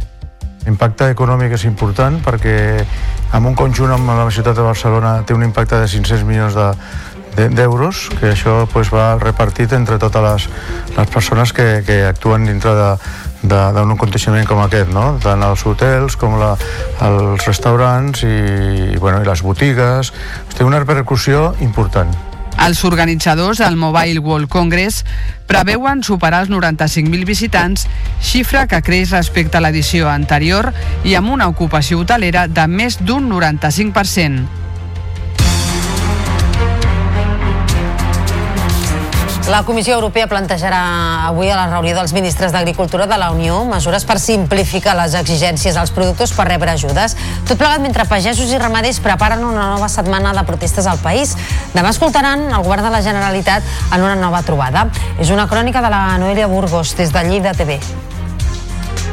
Després de fer autocrítica de les mobilitzacions que la plataforma pagesa ha dut a terme en les darreres setmanes, els pagesos afirmen que encara no han aconseguit res i que continuaran amb les protestes durant els propers dies. El 27 de febrer tindran una reunió amb el govern on esperen que es faci cas a les seves exigències. Serà a partir d'aquest dia quan tornin els talls a les carreteres. Ens estem fent veure, sembla que ens volen escoltar, però per d'altra banda, quan surts d'allà, al cap de dos dies te treuen un ajut de la sequera que no era el que, ten... que no era el que havíem parlat allà a la taula per aquesta raó el dia de la reunió tornarem a parlar sobre això i d'ell no marxarem sense això. Eh, el que fem ara és preparar talls molt grossos i de dies, de dos o tres dies per fer molta pressió i de no moure'ns d'allà. A Barcelona no hem d'anar a fer res. El conseller, si vol alguna cosa, ha de venir a trobar a casa, que ell cobra per moure's, nosaltres no. A banda del tema de l'excés de la burocràcia, els pagesos denuncien que els danys per la plaga de conills va a més cada dia. Els pagesos també insten al govern perquè el Departament d'Acció Climàtica, Alimentació i Agenda Rural torni a anomenar-se Departament d'Agricultura, Ramaderia i Pesca i abordi ràpidament les urgències del sector agrari. I encara parlant de sequera i sector primari, les pluges d'aquests últims dies i el temps que s'espera amb més neu i aigua farà que no s'hagin d'avançar els recs als canals d'Urgell com es va haver de fer l'any passat. D'aquesta manera, l'inici s'espera molt probablement durant la segona quinzena de març per Sant Josep. En té els detalls la Karen Alfonso des de Lleida TV. Durant l'Assemblea General, tots els síndics de les 20 col·lectivitats han acordat que transmetran oficialment al president de la Generalitat, al conseller d'Agricultura i altres càrrecs polítics de l'Estat la seva disconformitat amb els ajuts que han donat, perquè hi haurà pagesos que es quedaran sense aquests diners, com els cultivadors de cereal o els agricultors que van deixar de regar les 13.000 hectàrees per poder donar aigua als arbres fruiters. De la manera, dius, en Altares hem batallat eh, tots els dies de la setmana pràcticament, per aconseguir un canvi, però nosaltres no assistíem a la taula agrària, bueno, que s'havia d'aplicar amb una certa normativa europea, però sobretot que no es quedi cap ningú, sinó que habilitin una línia per poder ajudar a tota aquesta gent que pel que sigui per normatives poden de quedar. Per exemple, vam batallar on per l'assegurança agrària del cereal en aquesta assemblea també s'ha aprovat per unanimitat de tots els síndics el nou sistema d'hidros i el tancament dels pressupostos de l'any passat que ha estat amb superàvit. I el Centre d'Estudis Avançats de Blanes ha iniciat un nou projecte de recerca que analitza com les sequeres continuades, altres fenòmens extrems i la intensa pressió humana que suporten aquests rius condicionen l'acumulació i el transport de residus plàstics. El projecte ha començat aquest febrer amb les primeres feines de camp. Ens ho explica la Paula Fernández des de TV La Selva. A més, l'equip investiga l'experimentació en canals artificials en els que se simulen de manera controlada les condicions que es donen als rius mediterranis. Hem identificat eh, 12 punts al llarg de quatre rius de la Tordera, quatre fluents, i el que volem és que els hem seleccionat en quant a diferents pressions humanes. Per tant, hem triat rius de capçalera, que no tenen pressió humana, o molt poqueta, eh, després per sota de poblacions, per sota de depuradores i en zones agrícoles i el que estem trobant, bueno, estem veient a veure què passa si trobem més plàstics, menys i de quines fonts són. Volem entendre si l'activitat humana comporta la, la presència de plàstics diferenciats en els rius. L'equip d'investigadores té previst realitzar activitats divulgatives dins del projecte per arribar a la ciutadania i que esdevingui una aliada en la lluita contra la sobreexplotació i la contaminació dels ecosistemes fluvials. Passen ara dos minuts eh, d'un quart de nou del matí. El tall de la P7 i la C25 aquest dissabte per la Calamarsada va deixar centenars de conductors atrapats durant més de 5 hores. En declaracions a la xarxa, el director del Servei Català de Trànsit, Ramon Lamiel, ha justificat el tall per evitar múltiples accidents i també ha admès que servirà de reflexió per millorar protocols. Ens ho explica la Carme de Fez. Molts conductors s'hi van estar més de 5 hores a l'autopista sense poder avançar a causa del gel acumulat a les vies. No sé per què no podem passar, o sigui, no sé si s'ha fet gel o què ha passat. El que no entenc és que vagin els d'aquí i nosaltres no puguem passar cap allà. Eh, hem sortit de Matadepera a les 6 de la tarda i són les 10 i encara estem aquí aturats. Una, que una trista pedregada tallin l'autopista d'aquesta manera és molt denigrant, això, eh? La decisió d'aturar el trànsit té una explicació. Evita un accident múltiple com el que es va produir fa dos anys a la C32 amb un resultat de 16 ferits. Per què es fa això? Per prevenir aquest xoc múltiple que amb ferits o sense, eh, llavors fa molt difícil eh, la gestió de la via i la retirada d'aquests vehicles, l'entrada de les grues i la congestió es pot multiplicar. En tot cas, Trànsit assegura que l'experiència servirà per millorar els protocols. De com podem arribar de la millor manera que podem arribar a dintre del vehicle per informar millor el conductor i, per tant, que no vagi contra l'embús que ja hi ha a la carretera. I l'altre és balancejar el trànsit i, per tant, en el punt que hi hagi una doble via, hi hagi una via d'alta capacitat, balancejar-lo cap a aquella via d'alta capacitat. La màquina llevaneus que va actuar a la P7 en sentit sud va permetre reobrir abans el trànsit. En sentit nord es va complicar perquè la màquina va quedar atrapada per un accident a la cua. Aquests problemes van ser dissabte i precisament avui dilluns entren en vigor les restriccions temporals a la circulació dissenyades pel Servei Català de Trànsit que limiten per primer cop els vehicles pesants en determinades carreteres de la xarxa viària catalana. Les mesures vigents durant aquest 2024 s'estableixen en dies festius, en períodes de vacances i en desplaçaments massius de vehicles. L'objectiu de la mesura és garantir la mobilitat i la seguretat dels, usuaris i la fluidesa de la xarxa viària. Així a l'AP7 i a l'AP2 els vehicles pesants només podran circular pel carril de la dreta a un màxim de 80 km per hora durant els caps de setmana. Carlos Folchi, membre del comitè de Fenedismer i secretari general de l'Associació d'Autònoms Pimes Transportistes de Catalunya, creu que la mesura és comprensible. És un mal mano, és correcte. Sí, I aquesta possibilitat de prohibició va estar sobre la taula i per, per criteris només de seguretat, que són absolutament comprensibles, però sempre s'està buscant amb el Servei Català de Trànsit compatibilitzar l'ús de la via, una via que és una via capdalt per, per les exportacions de mercaderies, que és una artèria principal també per la mobilitat privada i entenem que es tinguin que adoptar mesures doncs, que siguin de vegades complicades per nosaltres, per transportistes. Uns 22.000 treballadors i treballadores del sector de la banca, l'estalvi i les cooperatives de crèdit estan convocats a fer vaga des de les 8 d'aquest matí fins a les 10 per exigir increments salarials d'acord amb els beneficis de les patronals. Els ofereixen menys d'un 2% d'increment de salari anual, però els sindicats demanen un 17% en 3 anys, que es correspon amb l'acumulat en els darrers anys. L'aturada de la, la culturada la convoquen Comissions Obreres, UGT i FINE.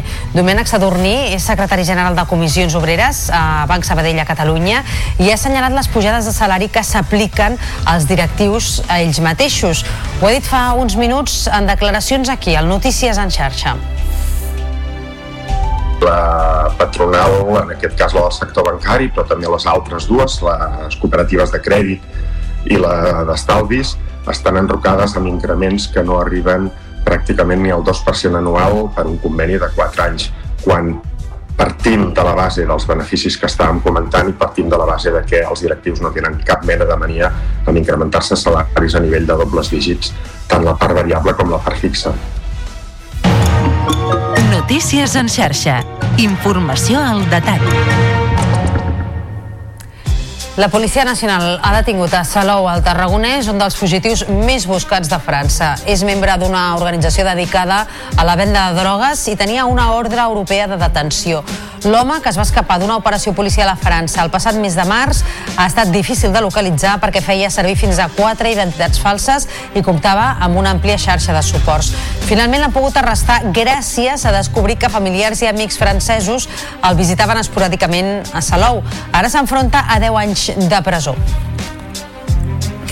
I nova manifestació a Barcelona aquest diumenge per exigir l'aturada del genocidi del poble palestí a Gaza.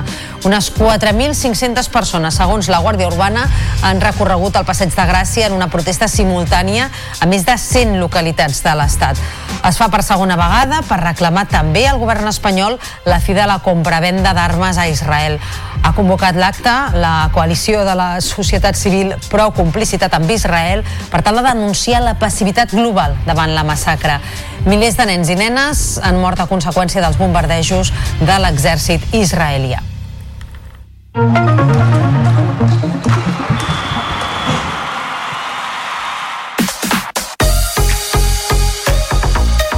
El Girona vol tornar a guanyar després d'haver sumat només un punt dels últims 9. Rep el Rayo Vallecano a Montilivi a partir de les 9 amb la intenció de recuperar la segona posició provisionalment a mans del Barça. Una victòria el situaria a 6 punts del líder, el Real Madrid, i també el consolidaria en places de Lliga de Campions, ampliant fins als 10 punts el coixí sobre el cinquè. Tornen a la convocatòria David López i Jan Couto, mentre que Daily Blind continua lesionat. També serà el retorn de Mitchell a la banqueta després de dos partits sancionats. Tenint el repte d'anar a Europa i, i d'anar a Champions. I, i hem de mirar aquests objectius eh, cara a cara eh, con la dificultat que té però eh, penso que són capaços d'estar de, en la pelea. Però necessitem fer la nostra millor versió. Si no eh, podem perdre en qualsevol rival El Barça presentarà aquest migdia oficialment Ricky Rubio, el del Masnou, que ja ha tornat a les pistes amb la selecció. S'espera que ho faci en breu també amb el Barça. Torna però tocat dels compromisos amb el combinat, ja que ahir va patir una sobrecàrrega al genoll en la derrota davant Bèlgica. El proper partit dels Blaugrana serà divendres davant el Mónaco a l'Eurolliga, mentre que la Lliga diumenge rebrà el Casademont Saragossa. L'Espar Girona va encaixar la segona derrota consecutiva a la Lliga Femenina. Va caure a la pista del Jairis per 69 a 65, tot i guanyar de 5 punts al descans. L'encert exterior del rival a la segona meitat va capgirar el marcador i va acabar deixant la victòria a la pista murciana. Mariana Tolo es va haver de retirar amb problemes físics i podria perdre's el partit de tornada dels quarts de l'Eurocup que l'equip disputarà dijous a Istanbul. A la Parlem Hockey Lliga, Calafell i Reus van empatar a 3 en un dels partits més destacats de la jornada. Va ser un duel amb igualtat màxima. El Calafell va avançar-se amb la Diana d'Arnau Xaus, però un hat-trick de l'ex del Calafell, Martí Casas, va donar avantatge als roig i negres. En els darrers instants de partit, de nou Arnau Xaus i Jan Escala van donar un punt als del Baix Penedès.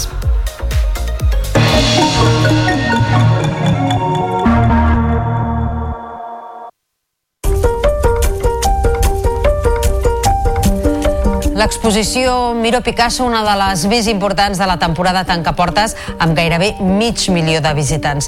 Aquest cap de setmana ha estat l'últim per admirar quadres com La Masia, de Joan Miró, o les tres ballarines de Pablo Picasso, abans que se'n tornin cap als seus respectius museus, al Museu Nacional de Washington i a la Tate Modern de Londres.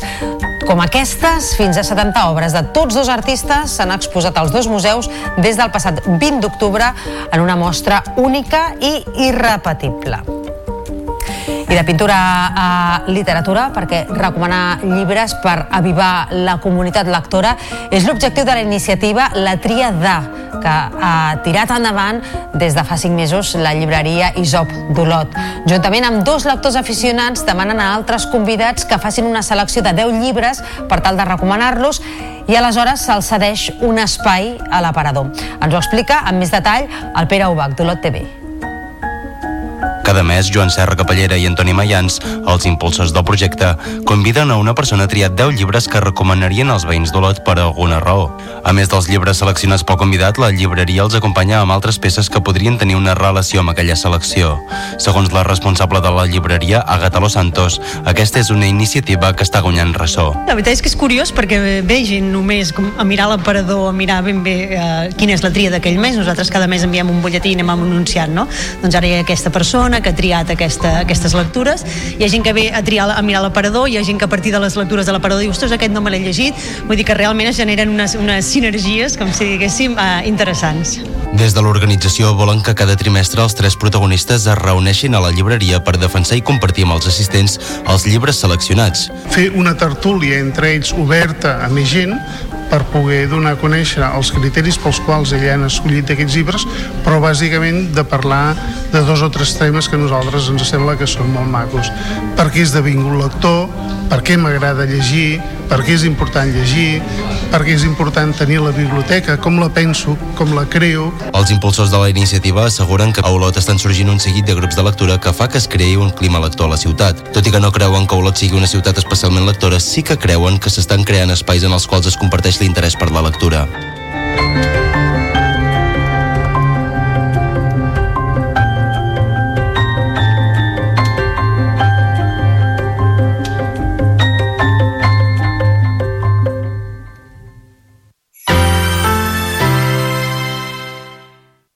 La xarxa de comunicació local. La xarxa. Torna al Festival Subtraveling. Inspira't en els grans, roda el teu curt i participa a Roda a TMB. Pots guanyar un viatge a Seul, una càmera professional, entre altres premis de cine.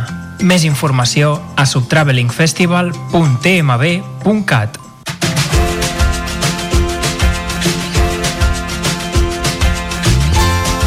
Viatges quilòmetre zero, amb l'escriptora Núria Esponellà. Caminada en un dia de vent.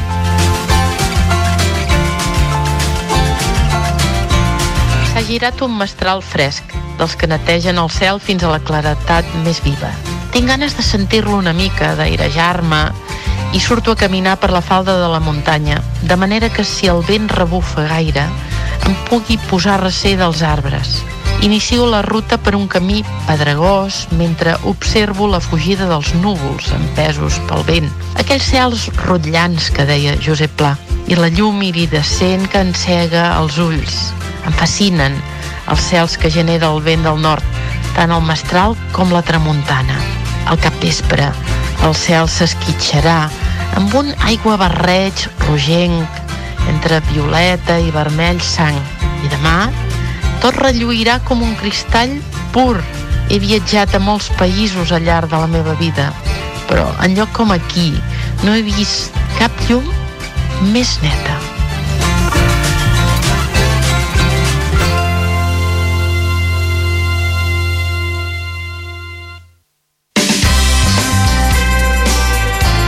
La xarxa de comunicació local.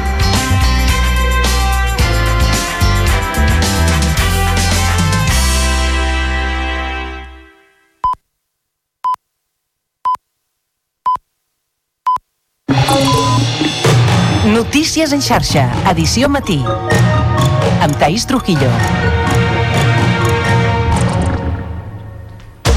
Bon dia, són dos quarts de nou del matí i avui al Notícies en xarxa estem molt pendents del Mobile World Congress que ja ha obert portes a Barcelona amb l'entrada dels primers congressistes. D'aquí a uns minuts parlarem d'aquest certamen amb César Pablo Córcoles, que és director del Màster de Desenvolupament d'Aplicacions Web de la UOC. Aquesta 18a edició de la cita tecnològica mundial comptarà amb 2.400 expositors i amb la previsió de rebre fins a 95.000 visitants fins dijous. El sopar inaugural d'autoritats i el lunch previ han donat el tret de sortida oficial a la convocatòria. El president de la Generalitat, Pere Aragonès, ha anunciat una partida de més de 1.000 milions d'euros en recerca i innovació als pressupostos. I el president espanyol, Pedro Sánchez, s'ha compromès a impulsar un model de llenguatge d'intel·ligència artificial entrenat en castellà i en les altres llengües cooficials. També us estem explicant que la Comissió Europea plantejarà avui a la reunió dels ministres d'Agricultura de la Unió mesures per simplificar les exigències als productors per rebre ajudes. Tot plegat mentre pagesos i ramaders preparen a partir de demà una nova setmana de protestes. Les darreres pluges faran que no calgui avançar el rec als canals d'Urgell. I us hem informat que el Servei Català de Trànsit ha justificat el tall de dissabte a la P7 després de la calamarsada per evitar accidents múltiples. El govern admet que tot plegat servirà per millorar protocols a l'hora de plantejar vies alternatives i informar de manera més immediata als conductors. I en esports, el Girona vol tornar a guanyar després d'haver sumat només un punt dels últims 9. Rep el Rayo Vallecano a Montilivi a partir de les 9 amb la intenció de recuperar la segona posició. Tornen a la convocatòria David López i Jan Couto, mentre que Daily Blind continua lesionat. També serà el retorn de Mitchell a la banqueta. Notícies en xarxa, edició matí. I fa un parell de minuts que ha obert portes a Barcelona al Mobile World Congress. Les principals marques del sector seran presents fins dijous en aquesta 18a edició amb 2.400 expositors i la previsió de rebre fins a 95.000 visitants. La cita de tecnologia mòbil més important del món ha donat el tret de sortida previ amb el sopar inaugural, amb la presència d'autoritats i membres de l'organització. La intel·ligència artificial tindrà enguany un gran protagonisme i el president del govern espanyol, Pedro Sánchez ha aprofitat l'ocasió per anunciar la creació d'un model de llenguatge d'aquesta eina en castellà i en les altres llengües cooficials. El rei Felip VI també s'ha referit als reptes dels governs per preservar la seguretat i els drets individuals malgrat els avenços tecnològics.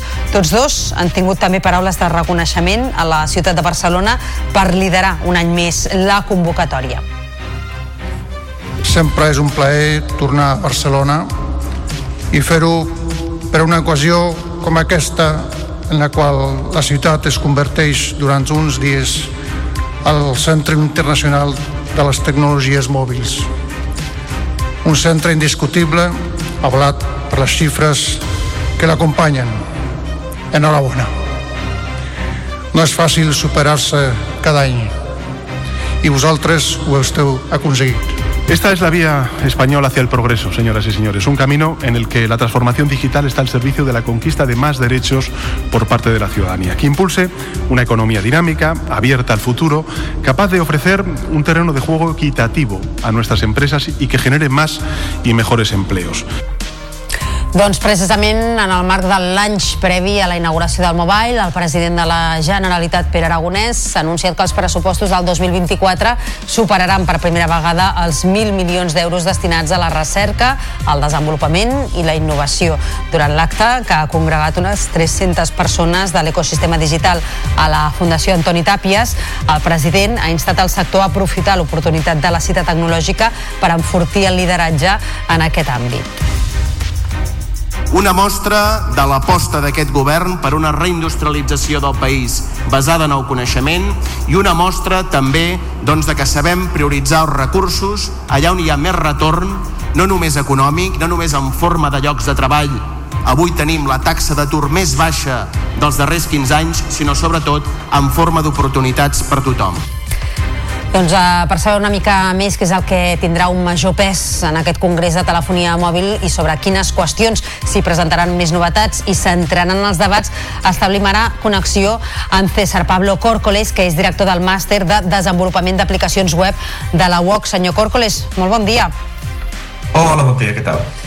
Per vostè, quina és eh, la qüestió principal que es debatrà i que es presentarà en aquest eh, mobile? De què anirà, bàsicament? Doncs hem de pensar que sobretot, o sigui, tot i que nosaltres pensem en que, que parlem de dispositius com els mòbils que volem saber, el mobile és, és un festival, és, una, és un saló per la indústria.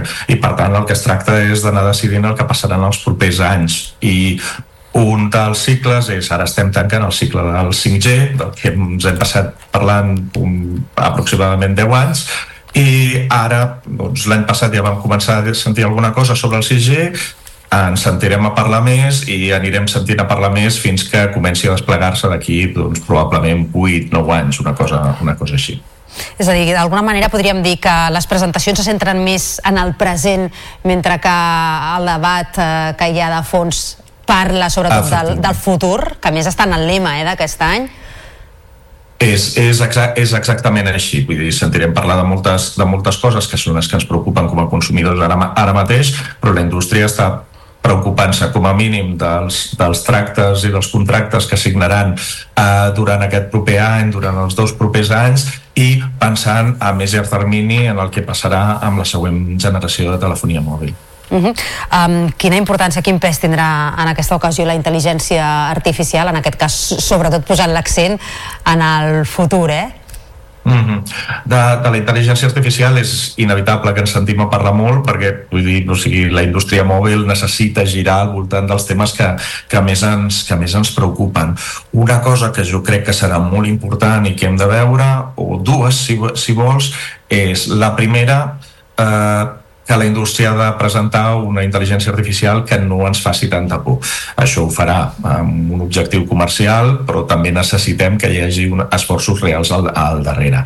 I de l'altra, el que veurem és que cada cop més els fabricants de xips, que són els que alimenten el, la, indústria, la indústria del mòbil, faran que eh, hi hagi cada cop més capacitats d'intel·ligència artificial que visquin dintre del nostre mòbil. No seran tan sofisticats com els models que hem estat veient durant l'últim any de generar textos extremadament sofisticats, imatges i fins i tot vídeo. Faran coses una mica més limitades, però que ens seran molt útils i el que passarà és que això passarà al telèfon mòbil i per tant les nostres dades no estaran circulant cap, a, cap a, al núvol, és a dir, els servidors de les grans, dels, de les grans empreses i això eh, reduirà una mica el consum energètic perquè no necessitem tot, aquesta, tot aquest desplegament que, que fa falta i segurament minimitzarà riscos de seguretat i riscos per a la nostra privacitat. Mm -hmm.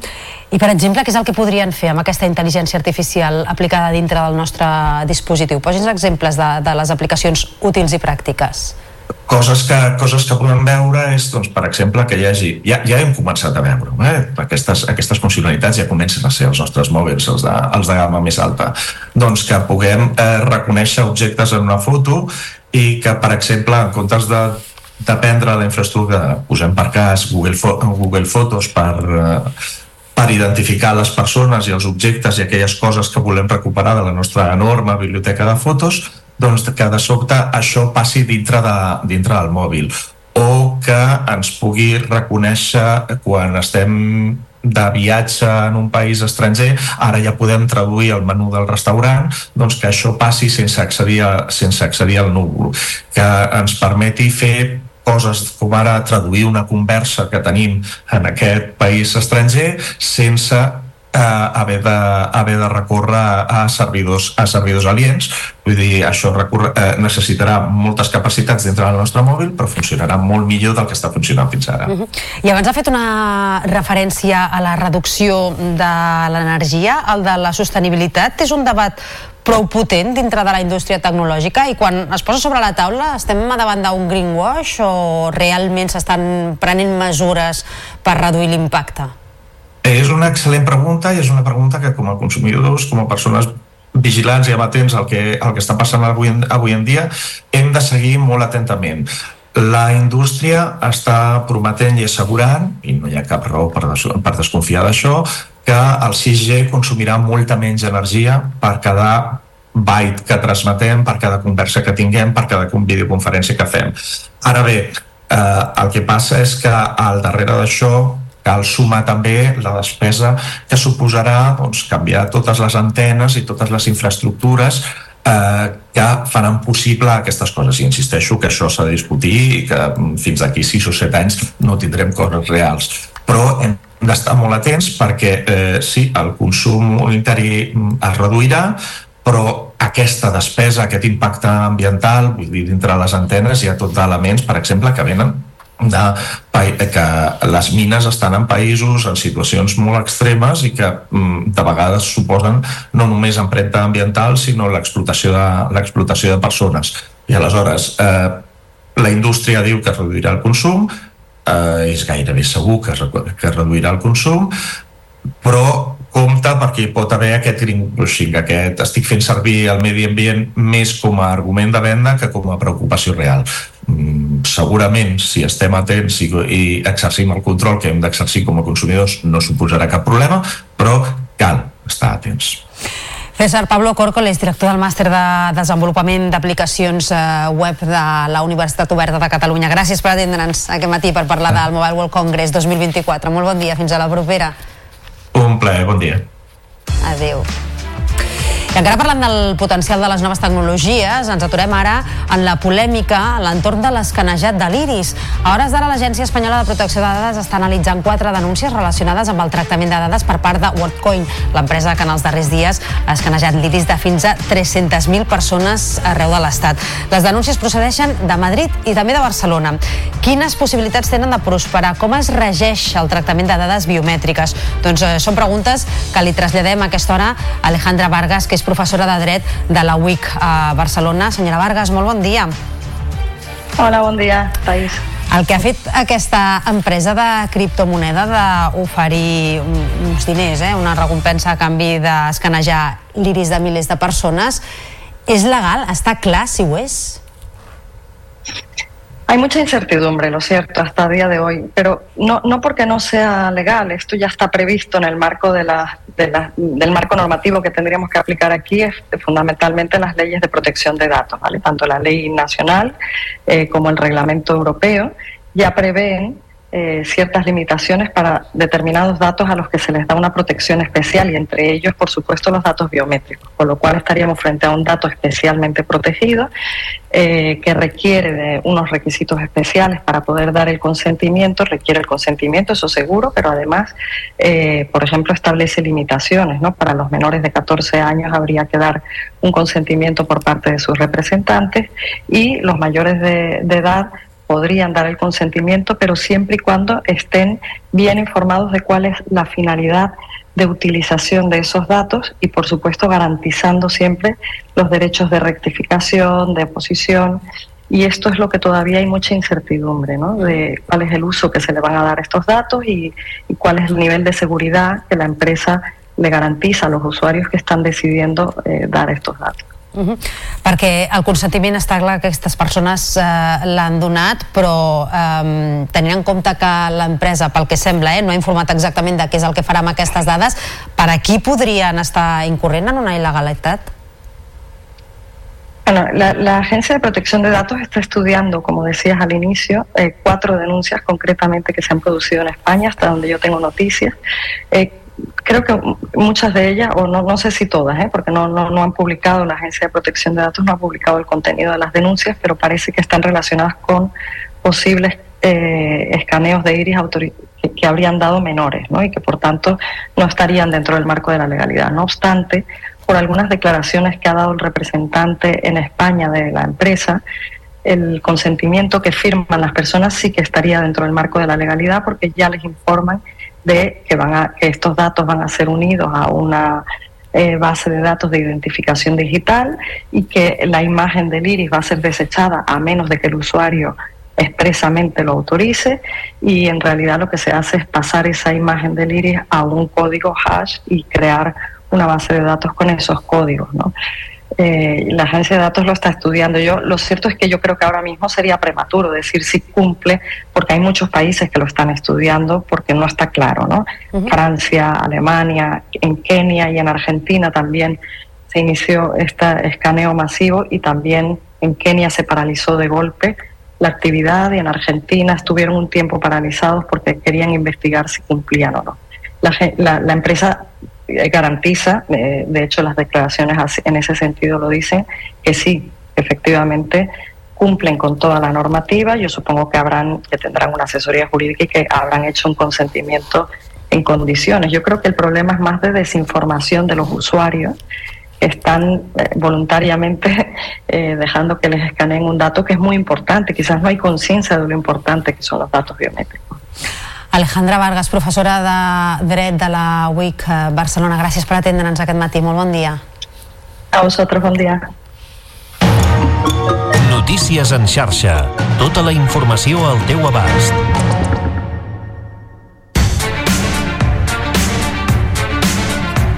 Són ara tres quarts de nou del matí. La Comissió Europea plantejarà avui a la reunió dels ministres d'Agricultura de la Unió mesures per simplificar les exigències als productors per rebre ajudes.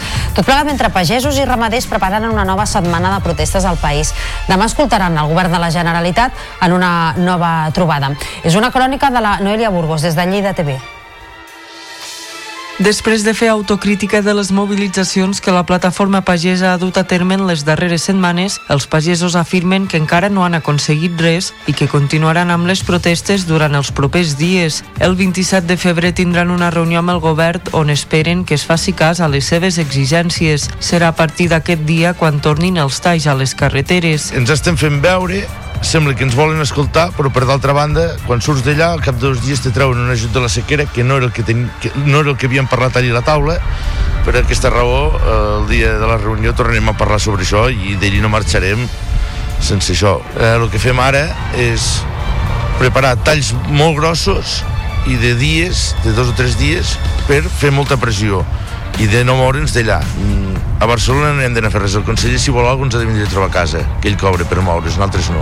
A banda del tema de l'excés de la burocràcia, els pagesos denuncien que els danys per la plaga de conills va a més cada dia. Els pagesos també insten al govern perquè el Departament d'Acció Climàtica, Alimentació i Agenda Rural torni a anomenar-se Departament d'Agricultura, Ramaderia i Pesca i abordi ràpidament les urgències del sector agrari. El tall de l'AP7 i la C25 aquest dissabte per la calamarçada va deixar centenars de conductors atrapats durant més de 5 hores. En declaracions a la xarxa, el director del Servei Català de Trànsit, Ramon Lamiel, ha justificat el tall per evitar múltiples accidents. Ens ho explica la Carme de Fe. Molts conductors s'hi van estar més de 5 hores a l'autopista sense poder avançar a causa del gel acumulat a les vies. No sé per què no podem passar, o sigui, no sé si s'ha fet gel o què ha passat. El que no entenc és que baixin els d'aquí i nosaltres no puguem passar cap allà. Eh, Hem sortit de Matadepera a les 6 de la tarda i són les 10 i encara estem aquí aturats. Una, que una trista pedregada tallin l'autopista d'aquesta manera és molt denigrant, això, eh? La decisió d'aturar el trànsit té una explicació. Evitar un accident múltiple com el que es va produir fa dos anys a la C32 amb un resultat de 16 ferits. Per què es fa això? Per prevenir aquest xoc múltiple que amb ferits o sense eh, llavors fa molt difícil eh, la gestió de la via i la retirada d'aquests vehicles, l'entrada de les grues i la congestió es pot multiplicar. En tot cas, Trànsit assegura que l'experiència servirà per millorar els protocols. Com podem arribar de la millor manera que podem arribar a dintre del vehicle per informar millor el conductor i per tant que no vagi contra l'embús que ja hi ha a la carretera. I l'altre és balancejar el trànsit i per tant en el punt que hi hagi una doble via, hi hagi una via d'alta capacitat, balancejar-lo cap a aquella via d'alta capacitat. La màquina llevaneus que va actuar a la P7 en sentit sud va permetre reobrir abans el trànsit. En sentit nord es va complicar perquè la màquina va quedar atrapada per un accident a la cua. Aquests problemes van ser dissabte i precisament avui dilluns entren en vigor les restriccions temporals a la circulació dissenyades pel Servei Català de Trànsit que limiten per primer cop els vehicles pesants en determinades carreteres de la xarxa viària. Les mesures vigents durant aquest 2024 s'estableixen en dies festius, en períodes de vacances i també en jornades de desplaçaments massius de vehicles. A l'AP7 i a l'AP2 els vehicles pesants només podran circular pel carril de la dreta a un màxim de 80 km per hora.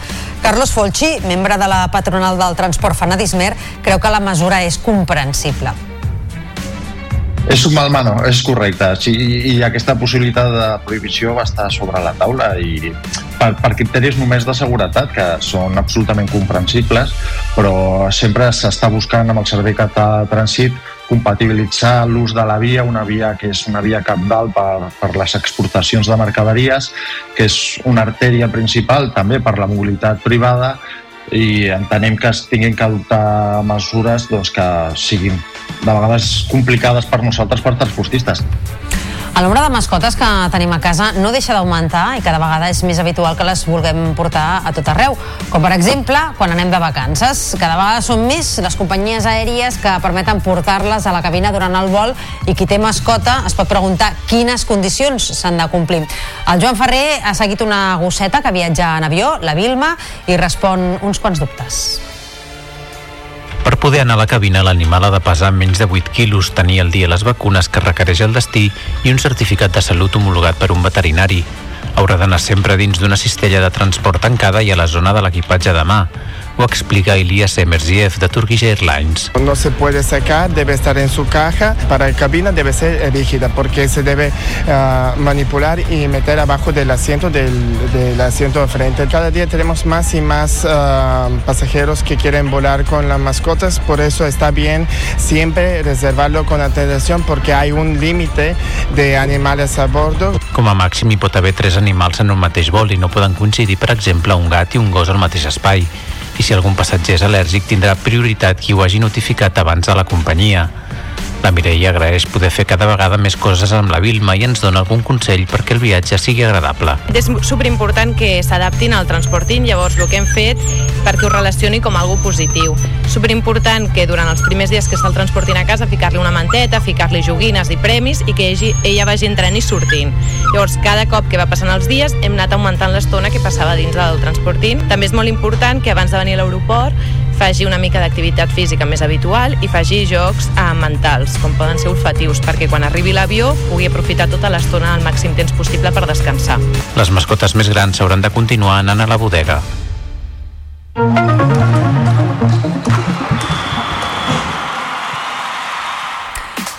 Són 8 minuts ara els que falten per les 9 del matí. Repassem l'actualitat esportiva. Cristina, bon dia. El Girona vol capgirar la dinàmica a la Lliga. Sí, buscarà tornar a guanyar després d'haver sumat només un punt dels últims 9. Rep el Rayo Vallecano a Montilivi a partir de les 9 amb la intenció de recuperar la segona posició provisionalment a mans del Barça. Una victòria el situaria a 6 punts del líder, el Real Madrid, i també el consolidaria en places de Lliga de Campions, ampliant fins als 10 punts el coixí sobre el cinquè. Tornen a la convocatòria David López i Jan Couto, mentre que Daily Blind continua lesionat. També serà el retorn de Mitchell a la banqueta després de dos partits sancionat. Tenint el repte d'anar a Europa i, i d'anar a Champions. I, i hem de mirar aquests objectius eh, cara a cara, eh, con la dificultat que té, però eh, penso que són capaços d'estar de, de en la pelea. Però necessitem fer la nostra millor versió. Si no, eh, podem perdre en qualsevol rival. El Barça presentarà aquest migdia oficialment Ricky Rubio, el del Masnou, ja ha tornat a les pistes amb la selecció i s'espera que ho faci en breu també amb el Barça. Torna però tocat dels compromisos amb el combinat, ja que ahir va patir una sobrecàrrega al genoll en la derrota davant Bèlgica. El proper partit dels blaugranes serà divendres davant el Mònaco a l'Eurolliga, mentre que la Lliga diumenge rebrà el cas a la Montsaragossa. L'Espar Girona va encaixar la segona derrota consecutiva a la Lliga Femenina. Va caure a la pista del Jairis per 69 a 65, tot i que guanyava de 5 punts al descans. L'encert exterior de les locals a la segona meitat va capgirar el marcador i va acabar deixant la victòria a la pista murciana. Mariana Tolo es va haver de retirar amb problemes físics i podria perdre's el partit de tornada dels quarts de l'Eurocup que l'equip gironí disputarà dijous a Istanbul. A la Parlem, Hockey Lliga, Calafell i Reus van empatar 3 en un dels partits més destacats de la jornada. Va ser un duel amb igualtat màxima. El Calafell va avançar-se amb la diana d'Arnau Xaus, però un hat-trick de l'ex del Calafell, Martí Casas, va donar avantatge als roig i negres. En els darrers instants de partit, de nou Arnau Xaus i Jan Escala van donar un punt als del Baix Penedès. El Calafell, quart a la taula amb 32 punts, manté els dos punts de diferència respecte dels reusencs cinquens. Jepi Selva és jugador del Calafell. L'hoquei és això, té aquestes coses tan magues, per això partits com aquests són tan xulos, un derbi, un pavelló ple, amb dos equips que juguen molt bé hockey, i l'esport té això i el Calafell té això. El Calafell té que, que sempre hi creu, uh, sempre va al màxim, i a vegades ens pot anar malament, però uh, l'equip hi creu, la gent ens creu, i, i dies com avui corroborem que, que amb intensitat i amb ganes i fins a l'últim segon eh, es poden treure punts. Doncs el Reus va protestar molt al darrer gol, però finalment va pujar al marcador. Gràcies, Cristina, que vagi molt bé. Fins demà. Fins demà. Nosaltres ara, en Cultura, us expliquem que l'exposició Miro Picasso, una de les més importants de la temporada, tanca portes amb gairebé mig milió de visitants. Aquest cap de setmana ha estat l'últim per admirar quadres com La Masia, de Joan Miró, o Les tres ballarines, de Pablo Picasso, abans que se'n tornin cap als respectius museus, al Museu Nacional de Washington i a la Tate Modern de Londres. Com aquestes, fins a 70 obres de tots dos artistes s'han exposat als dos museus des del passat 20 d'octubre. I avui us deixem amb l'últim treball de Roba Estesa, amb la col·laboració d'Antònia Font. Es tracta del tema Amb calma, que és l'avançament del nou disc del grup del Camp de Tarragona, de lo bo, lo millor. Sortirà a la llum el proper 29 de febrer. Amb ells us deixem. Fins demà, que vagi bé. Hi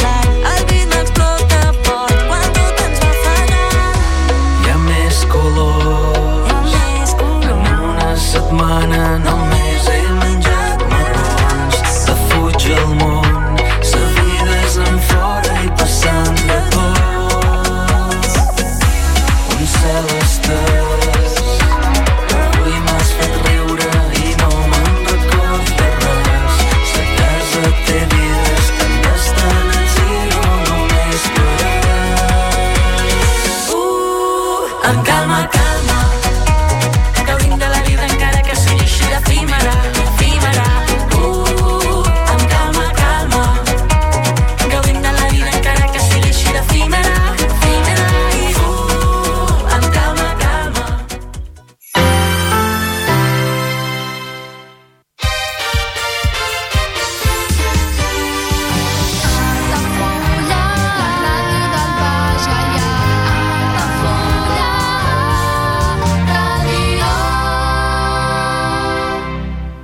Ja coneixes les propostes que t'ofereix el Club Marítim Altafulla? Vine i descobreix totes les nostres activitats. Sortides en caiac o pa del surf, cursos de vela per a totes les edats. No t'ho perdis. Club Marítim Altafulla. Obert tot l'any i per a tothom. Comunions 2024. Dates ja disponibles amb sales privades, jardí, pàrquing privat i la millor gastronomia. Més informació i reserves al 977 65 11 55 i a comercial arroba altafullamarotel.com o al web altafullamarotel.com. Les teves celebracions familiars a l'Altafulla Mar Hotel.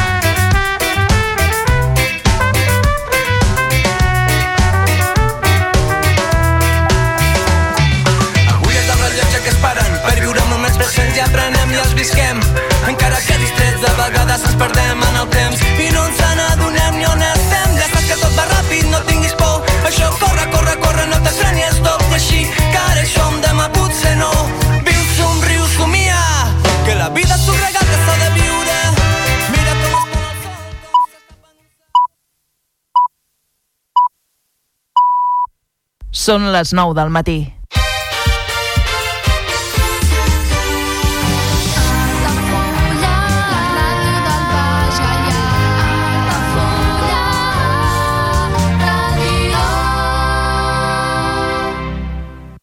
Altafulla Ràdio. Serveis informatius.